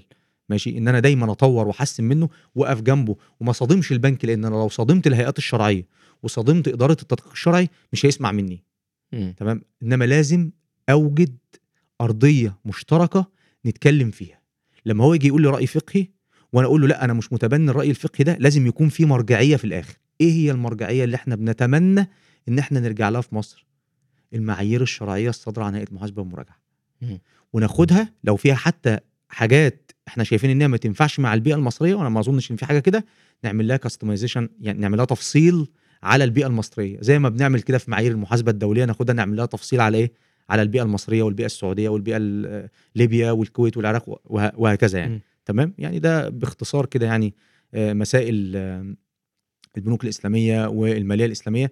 لو في أي استفسار تاني هو بصراحة في استفسار. يعني أنت قلت برضو على حتة الصكوك الإسلامية إنها تبقى بديل للسندات. عايزين بس نوضح الأول الفرق ما بين الصكوك السندات الصكوك ال- الإسلامية؟ الإسلامية والسندات. طيب الصكوك الإسلامية هو أصلا في ناس بتزعل لما نقول كلمة صكوك إسلامية. هي أصلا مش محتاجة إن أنت تقول صكوك إسلامية. صكوك. كلمة صكوك. آه هي صكوك صكوك هي كلمة شرعية. آه كلمة شرعية. مم. هي أوراق مالية تتداول طبقا لأحكام الشريعة الإسلامية. تم إصدارها طبقا لأحكام الشريعة الإسلامية. الصكوك الإسلامية أو الصكوك الصكوك. هي معجزة من معجزات الهندسة المالية الإسلامية. منتج إسلامي بيور عمل إيه؟ جمع ما بين صفتين أو ميزتين من مميزات الأسهم والسندات. إيه ميزة الأسهم؟ إنه قابل لنتيجة أعمال يعني النتيجة بتاعته نتيجة أعمال النشاط. ربح.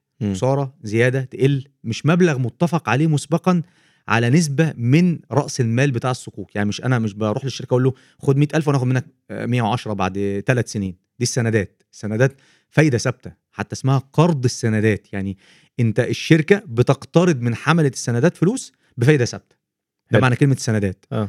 الأسهم ده انت ده ده, ده ربا ربا آه طبعا اسمه. قرض السندات حلو تمام ماشي.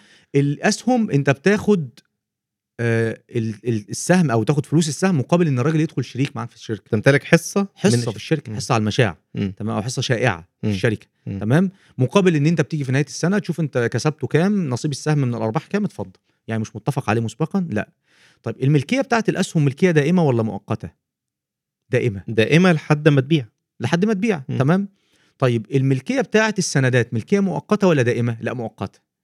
يعني السندات ليها مدة ثلاث سنين خمس سنين بعد الخمس سنين بتروح تاخد أصل المال بتاعك. زائد الفايدة الثابتة اللي إحنا اتفقنا عليها الفايدة أيوة. الربوية الثابتة. تمام؟ طيب ف... فأدي إيه؟ أدي نوع- نوعين يعني تمام؟ الصكوك بقى تيجي تقول له إيه؟ لا تعالى إيه الميزة اللي عند السندات الملكية المؤقتة؟ وإيه الميزة اللي عند الأسهم الأرباح المتغيرة؟ فتاخد الملكية المؤقتة وتاخد الأرباح المتغيرة. فبقت أوراق مالية خدت ميزة الأرباح المتغيرة مم. عشان تبقى حلال مم. وخدت ميزة الملكية المؤقتة اللي هي موجودة عند مين؟ عند السندات. طيب بعد ثلاث سنين أو خمس سنين جينا نعمل إطفاء للصكوك إطفاء للصكوك يعني نستردها يعني. في السندات تسترد بالقيمة الإسمية يعني أنا كنت مديك 100000 فاسترد 100000 مم. الصكوك تسترد بالقيمة السوقية. شوف مم. قيمتها في السوق قد أيوة. إيه؟ لأنها ورقة. أيوه. مالية ملكية في أصول ملكية في منفعة لو هي صكوك إيجارة. مم. تمام؟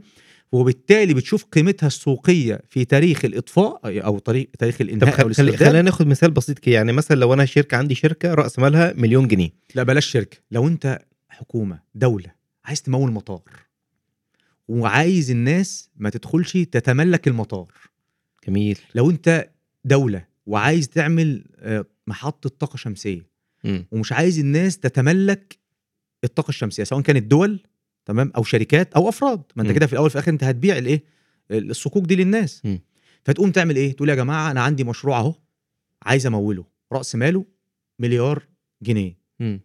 مقسم إلى صكوك الصك الصك قيمته ألف جنيه. تمام؟ الناس بتيجي تتملك الإيه؟ تتملك الصك. تتملكه لمدة قد إيه؟ لمدة خمس سنين. تمام؟ بنيجي في نهاية كل سنة نحسب الأرباح الدولة تاخد نصيبها وحمله الصكوك تاخد نصيبها من الإيه؟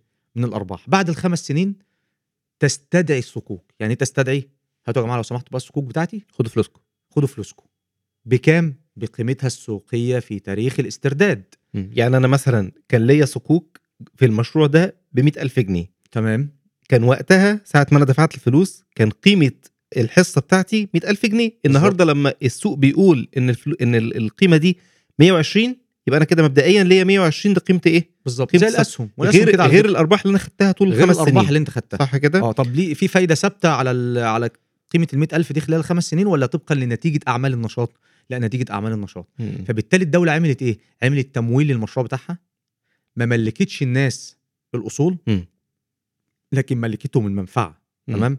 أو ال- العائد اللي جاي من من من هذه الأصول لمدة خمس سنوات وبعد الخمس سنوات استردت الفلوس بتاعتها تكون هي خلاص بقى حصل عندها انتعاش لأن طبعا مشروعات الدولة بتبقى مشروعات عملاقة تقدر. الكاش فلو بتاعها يسدد كل الإيه آه، رأس المال ويسدد ال- الأرباح الناتجة من النشاط بعد خمس سنين وهي مش هدفها ربحي هي هدفها في الآخر إن هي عملت إيه إن هي بنت مشروع. طيب وبنفس المبدأ لو حصل انهيار مثلا في الشركة أو في المشروع اللي إحنا بنتكلم فيه ده لو زلزال جه وهده مثلا يعني. المفروض إن ما ما تاخدش حاجة من من قيمة لأن النشاط خلاص خلص. ولكن عشان إحنا بنشتغل مع دول بيبقى عندهم حاجة اسمها زي صندوق تكافل بيبقى غرضه ضمان هذه الإيه؟ الأموال لصالح الناس. مم. في حالة إن حصل مشكلة في المشروع بيتم سداده من الصناديق ديت أو الصناديق التكافلية دي مم. تمام؟ ف يعني حاجة أشبه بالتأمين التكافلي. ما هو تأمين تكافلي مم. تمام. فبالتالي إيه بتبقى يعني الدولة بتضمن يعني برضه الصورة شرعية وما آه فيهاش طبعا مشاكل. طبعا آه. طبعا. إحنا أصلا قلنا كلمة صكوك حتى لما بتتداول في بورصة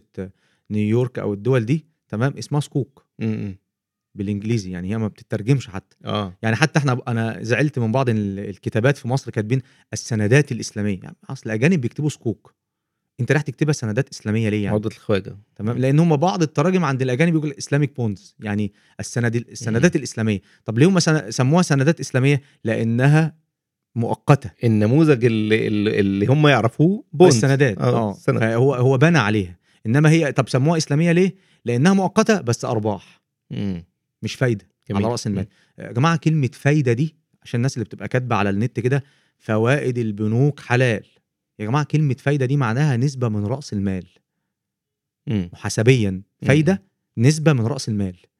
الربح هو نسبة من نتيجة أعمال النشاط. فما ينفعش حد يطلع يقول الفوائد حلال. يعني إيه. يعني يعني أنت بتقول لي إن أنا لو أقرضتك فلوس وخدت عليها نسبة ثابتة فده يبقى حلال؟ ما هو ده كلمة فايدة. تمام؟ فده الفرق ما بين الفايدة والإيه؟ والربح. الصكوك بقى آه، صكوك إيجارة صكوك مرابحه صكوك استصناع صكوك سلم. نفس صيغة التمويل الاسلامي نفس صيغة التمويل الاسلامي عشان كده بنقول إن الصكوك إيه؟ صيغة من صيغ التمويل الإسلامي ولكن في شكل أوراق إيه؟ أوراق مالية. إنما البرودكت نفسه ال ال آم، ال- المنتج نفسه اتبنى على فكرة إيه؟ اتبنى على فكرة المالية الإسلامية. فده ريليتد برضو بالحلقة بتاعتنا يعني. تمام؟ طيب الالتزام بقى بال... بال... بالضوابط الشرعية في المعاملات ال- الإسلامية بشكل عام و... أو كما أطلقت أنت عليها أو أنت. يعني وانت بتتكلم دلوقتي المالية الإسلامية. آه، إيه الفوائد اللي ممكن تعود على الاقتصاد من آه، لأنك في الأول برضو قلت إن مثلا التضخم بيحصل آه، ركود التضخمي زي المصطلح ال- اللي فعلا بدأ يتفشى وإحنا دي ممكن نكون بنعاني من آثاره دلوقتي.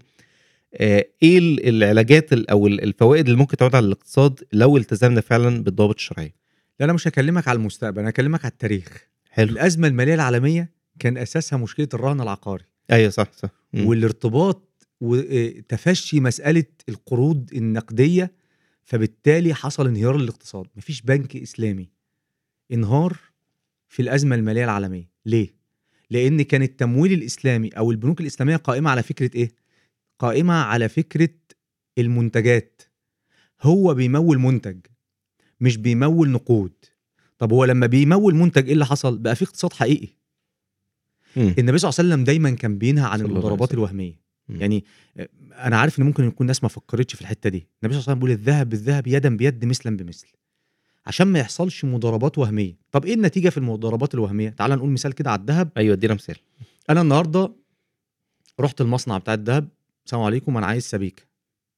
قال لي حاضر إن شاء الله الأسبوع الجاي هديك السبيكه هات فلوسك. اديته الفلوس. حضرتك رحت عايز سبيكة.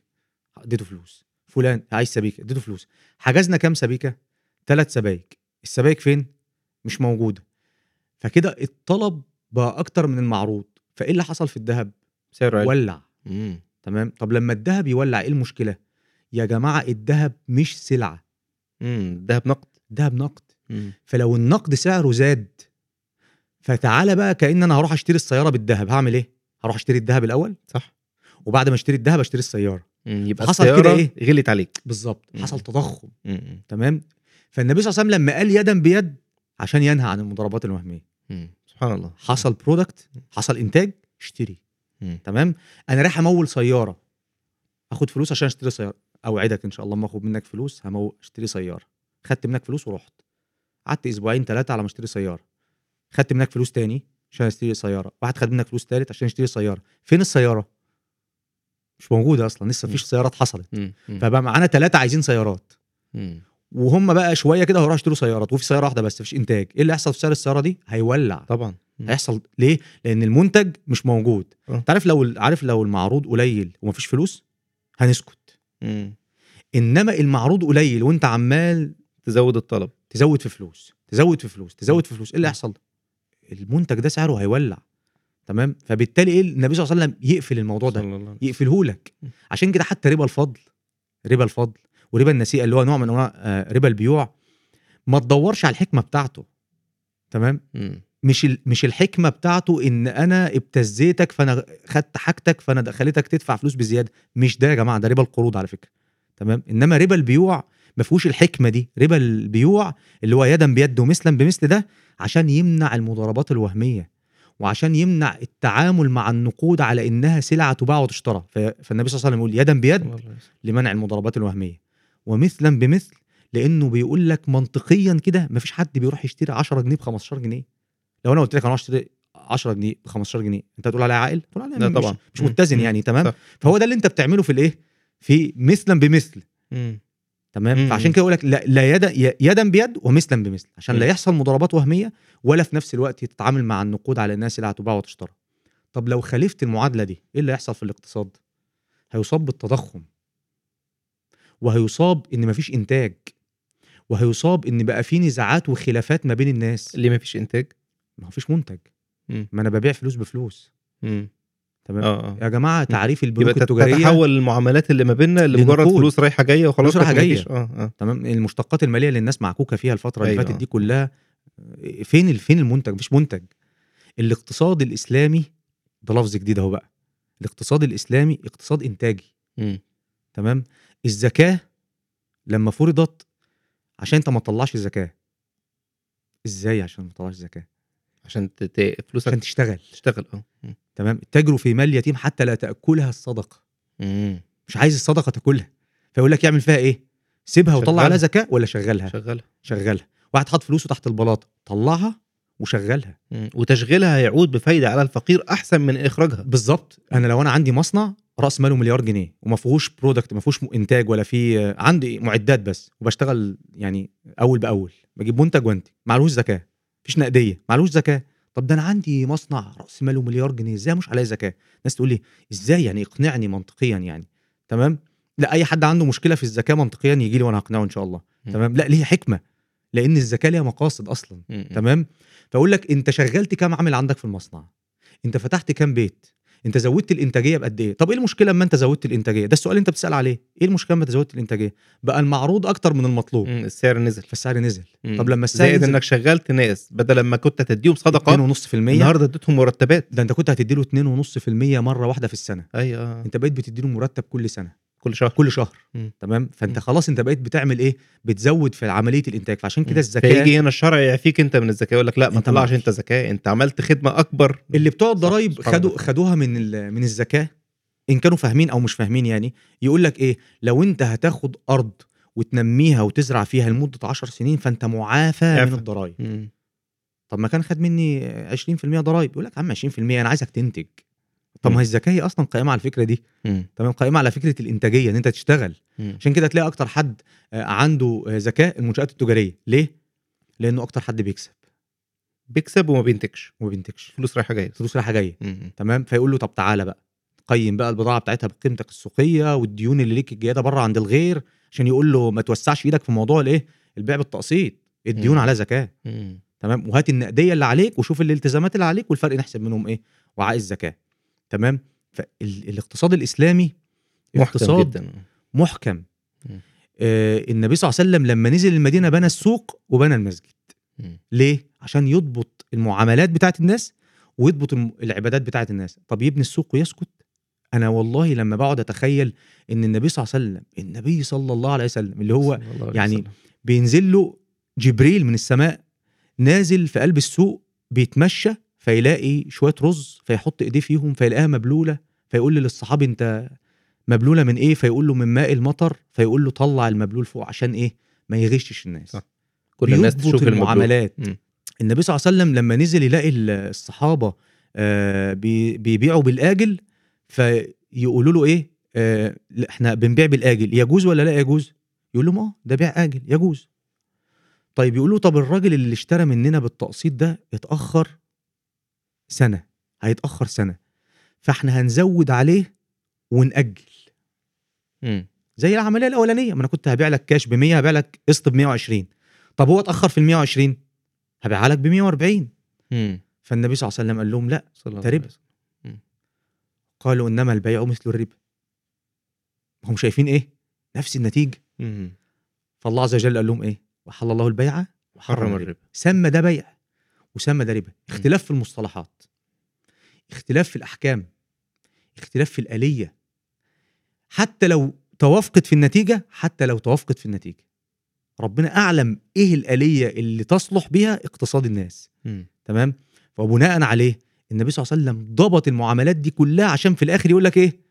يمحق الله الربا ويربي الصدقات. مم. ده بيع وده ربا. ما ينفعش السلف وبيع. لأنه منافي لفكرة الإرفاق والإحسان. ما ينفعش البيعتين في بيعة لأن ده أنت كده علقت ال- الثمن آه براحتك عايز تدفع على سنة براحتك على سنتين براحتك على ثلاثة براحتك فأنت بقيت بتبيع ديون. فلما تبيع ديون إيه اللي يحصل؟ يبقى الاقتصاد بتاعك كله اقتصاد ديون. مم. أنا ما كنتش متخيل ليه النبي صلى الله عليه وسلم بيقول نهى أو الصحابي بيقول نهى النبي صلى الله عليه وسلم بيع الكالئ بالكالئ. وبيع الدين بالدين. ما كنتش متخيل إن هيكون عندنا factoring بقى وتوريق وتخصيم واللي إحنا عايشين فيه. المأساة اللي إحنا عايشين فيها دلوقتي دي بيع دين بدين. بتشتري دين بدين. ناس يبقى عنده وديعة ربوية في البنك يروح يكسرها عشان يعمل وديعة تانية. أيوه. تمام؟ ربا في ربا ظلمات في ظلمات. ليه يا جماعة بتعملوا كده؟ لازم يحصل إنتاج. لازم يحصل إنتاج. وبالتالي الاقتصاد الإسلامي اقتصاد إنتاجي وليس اقتصاد استهلاكي.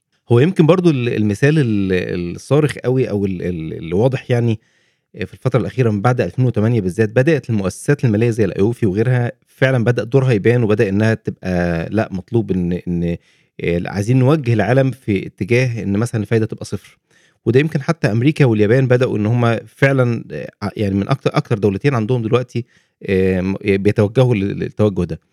آه، هنا فكرة بقى ن- يعني نظرية ال- الإسلام عايز أركز شوية على النقطة دي نظرية الإسلام في التعامل مع الاقتصاد. يعني النهارده لما أقول ال- الفايدة صفر دي مش مش مش عنصر مجرد بعيدا عن كل عوامل الاقتصاد لأ النظرية الكلية للاقتصاد في الإسلام.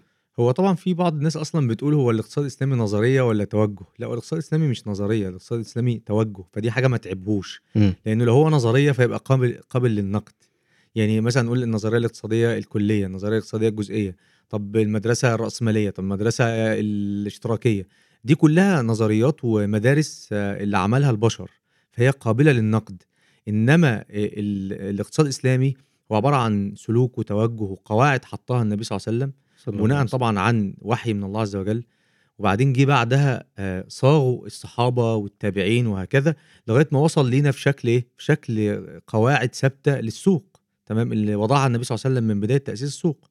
وبناء عليه بدأت الناس أو الاقتصاديين في الغرب بعد الأزمة المالية العالمية زي ما حضرتك تفضلت وقلت إن بدأت الناس تنتبه لمسألة الفايدة 0% وإنه يبدأ يقول إن الضريبة لا تتخطى ال 2.5% وهو ما يعرفش إن ده القرض الحسن اللي موجود في الإسلام وإن ال 2.5% مسألة الزكاة مم. ولأن هم شاف بعينيه إن البنوك الإسلامية لم تنهار لأن هي كانت قائمة على الاقتصاد الحقيقي تمام فبالتالي بس هو ما ينفعش نقول هو الاقتصاد الإسلامي مش نظرية. لا ده, ده الاقتصاد الإسلامي هو الحجه على المعاملات لأن هو أتى من الدليل من الكتاب والسنة والإجماع والقياس.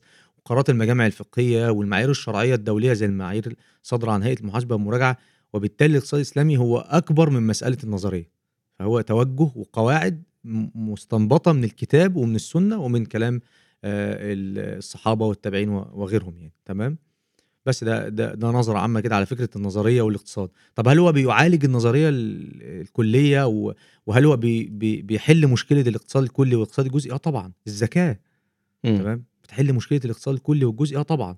الوقف آه، ومسألة الوقف لو يعني لو أفردنا حلقات للوقف وإن إزاي كان ال- الإسلام يأتي بفكرة الوقف وإبداع المسلمين في مسألة الوقف لدرجة إن هو كان بيشوف مشكلة الراجل اللي بيروح يشتري فول فالطبق بتاعه يتكسر فيعمل له وقف عشان يبدل له الكسر الطبق اللي اتكسر اسمه وقف الأواني مم. شوف الست لما تتخانق مع جوزها يروح يعمل لها دار اسمها دار الدق عشان تروح تغضب فيها بدل ما تروح عند بيت حماتك أو حاجة وتعمل بيها مشكلة أكبر مم. فبدأ يعملوا وقف لدي بيعملوا وقف لل للغوايش والذهب عشان خاطر العروسة تتزين بيهم الفرح ده كل ده إبداع من إبداعات الوقف عشان خاطر يقول لك إن إزاي الإسلام لم يترك شيء إلا وراعاه واعتنى به عشان يصلح هذا الاقتصاد. فمساله الاقتصاد الكلي والاقتصاد الجزئي مش النظرية هي اللي جت عشان تبقى حجة على الإسلام ونشوف بقى هل الزكاة تراعي الاقتصاد الكلي والجزئي؟ لأ. مش مش كده. ده ده الاقتصاد الإسلامي اللي هو بناء عن الدليل والكتاب والسنة هو اللي حجه على النظريات مم. فإذا خالفت هذه النظريات القواعد اللي حطها الله عز وجل ثم النبي صلى الله عليه وسلم ثم الصحابة والتابعين آه، ثم آه، حتى نصل إلى مرحلة المعايير الشرعية المستنبطة من هذه الأدلة فإحنا نهدم هذه النظريات. لأن هي العيب فيها هي مش في الشرع لانها مش في الشرع. مش إن أقول إن الاقتصاد الإسلامي هو نظرية لا.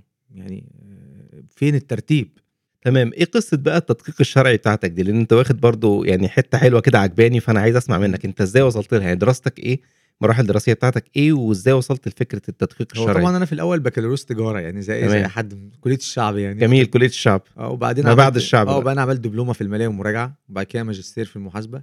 وبعد كده بقى رحت تجارة الأزهر أخد الدكتوراه من هناك يعني عشان أنا متخ... يعني كنت عايز أتخصص في الجانب بتاع محاسبة زكاة الشركات فرحت الأزهر عشان آخد الدكتوراه من هناك مم. الحمد لله خلصت المرحلة الأولانية اللي هو التأهيلي وفي مرحلة التسجيل دلوقتي حلو. آه ال- ال- المرحلة بقى اللي هي كانت بالتوازي إن أنا بدأت آخد بقى الشهادات المهنية المعتمدة في المالية الإسلامية كل شهادة مهنية تقابلني أنت عارف إحنا محاسبين لما بنشوف كلمة C زي ال CMA وال CPA تجري عليها. تجري عليها أي فأنا ما C كنتش بدري ع- بجري على ال C هات دي يعني كنت بجري بقى على ال C هات بتاعت ال Islamic فالمشكلة إن الطلبة لما بيشوف كلمة Islamic فهو متخيل إن هو بيدرس الحتة الإسلامية بس. لا أنا لما. بدرس المصرفية الإسلامية فبدرس التقليدي وبدرس الإسلامي. لما أيوة. بدرس الأسواق المالية الإسلامية فأنا بدرس التقليدي والإسلامي لأن أنا هت... لازم أعرف الأحكام بتاعت التقليدي إيه وإن أنا إزاي إن أنا أطور ال product ده من من تقليدي لإسلامي. تمام؟ آه يعني كنت طبعا أول شغال في ال business وبعد كده مع يعني حصل شوية آه، drop ات كده في ال business فقلت طب ما أنا أبدأ أستخدم ال ال- ال know-how اللي عندي إن صح القول يعني اسمها know-how الخبره آه، العملية. الخبره العملية. وأبدأ أشتغل في مسألة محاسبة زكاة الشركات. بدأت أروح أحسب زكاة للشركات. مم. في الأول طبعا الموضوع كان يقولوا إيه، هو في شركات بتحسب الزكاة؟ آه طبعا في شركات بتحسب الزكاة. مم. فلما بدأت أروح أحسب زكاة الشركات بدأت ألاقي بقى إيه المشاكل اللي اكبر من مسألة الزكاة. إن الشركة عندها مشكلة في العقود. تمام؟ في في دي الشروط. أكبر مشاكل الشركات آه، الشركات. ش- شروط العقود. نفسها. في مم. شروط غير جائزة جوه العقد. معاملة ال- الشركة مع البنك محتاجة تدقيق شرعي مراجعة لأغراض الشريعة الإسلامية مم. تمام معاملة الشركة مع الموردين معاملة الشركة مع الشركاء علاقة الشركة بالشركاء صحيح علاقة مم. الشركة بالمستثمرين المؤقتين مم. علاقة الشركة بالمساهمين لو أنا في شركة مساهمة علاقة الشركة بالعملاء علاقة الشركة بشركات التأمين. لأن في الآخر كل دي عقود. كل دي عقود. مم. تمام؟ ومعاملات وإجراءات. علا- علاقة الشركة بمسألة الزكاه والوقف وإن هو إزاي يستخدم الزكاه بشكل إبداعي أو يكون متوافق مع التطبيق المعاصر في كيفية صرف أموال الزكاه إزاي يعمل مشروعات من أموال الزكاه ويملك بيها الفقير. مم. فبدأت أقول للشركات لا ده في في mechanism للموضوع ده.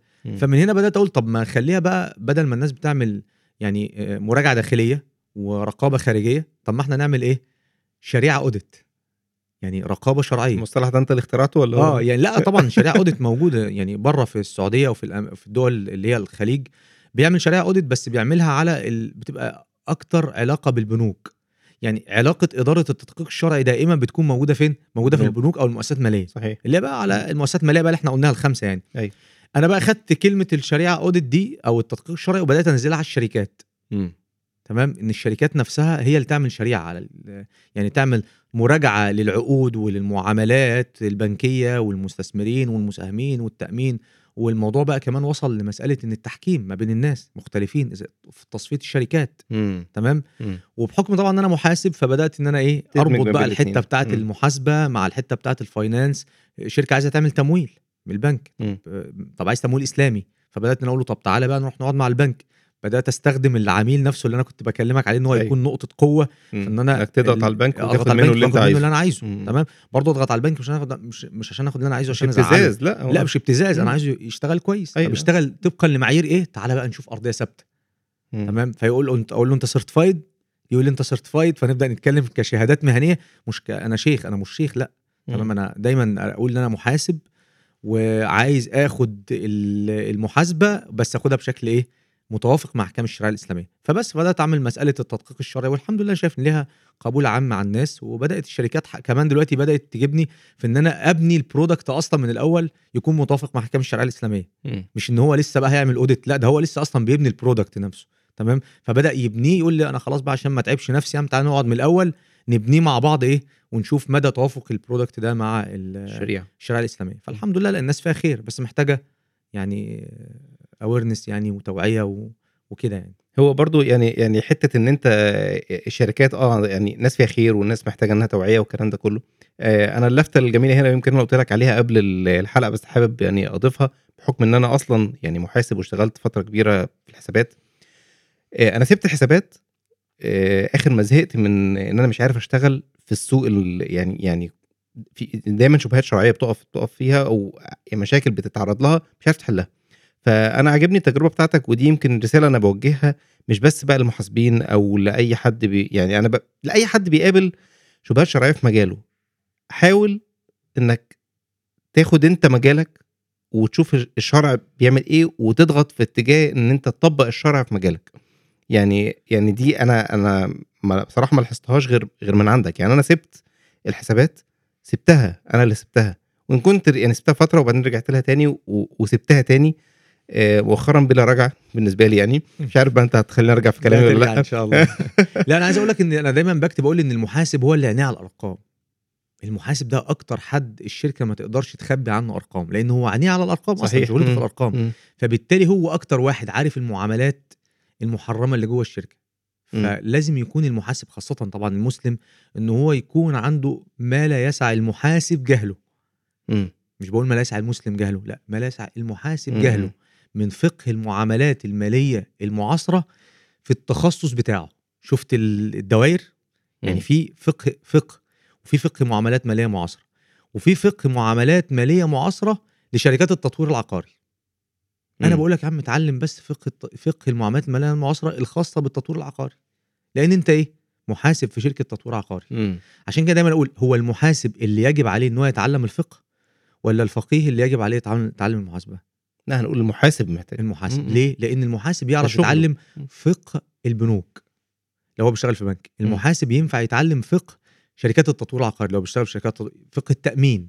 لأن هو مش مطلوب منك غير أنت تعرف المعلومات. الشرعية صحيح. الخاصة بالحتة بتاعتك بس. إنما الفقيه لا يديك القواعد العامة اللي أنت بناء عليها هتبدأ تشتغل. مم. تمام؟ لأن مش هيعرف يدخل جوه كل تخصص ويعرف تفاصيله وبعدين يبقى هو بقى اسمه فقيه إيه؟ أنا فقيه بتاع بنوك. مش حاجة اسمها كده.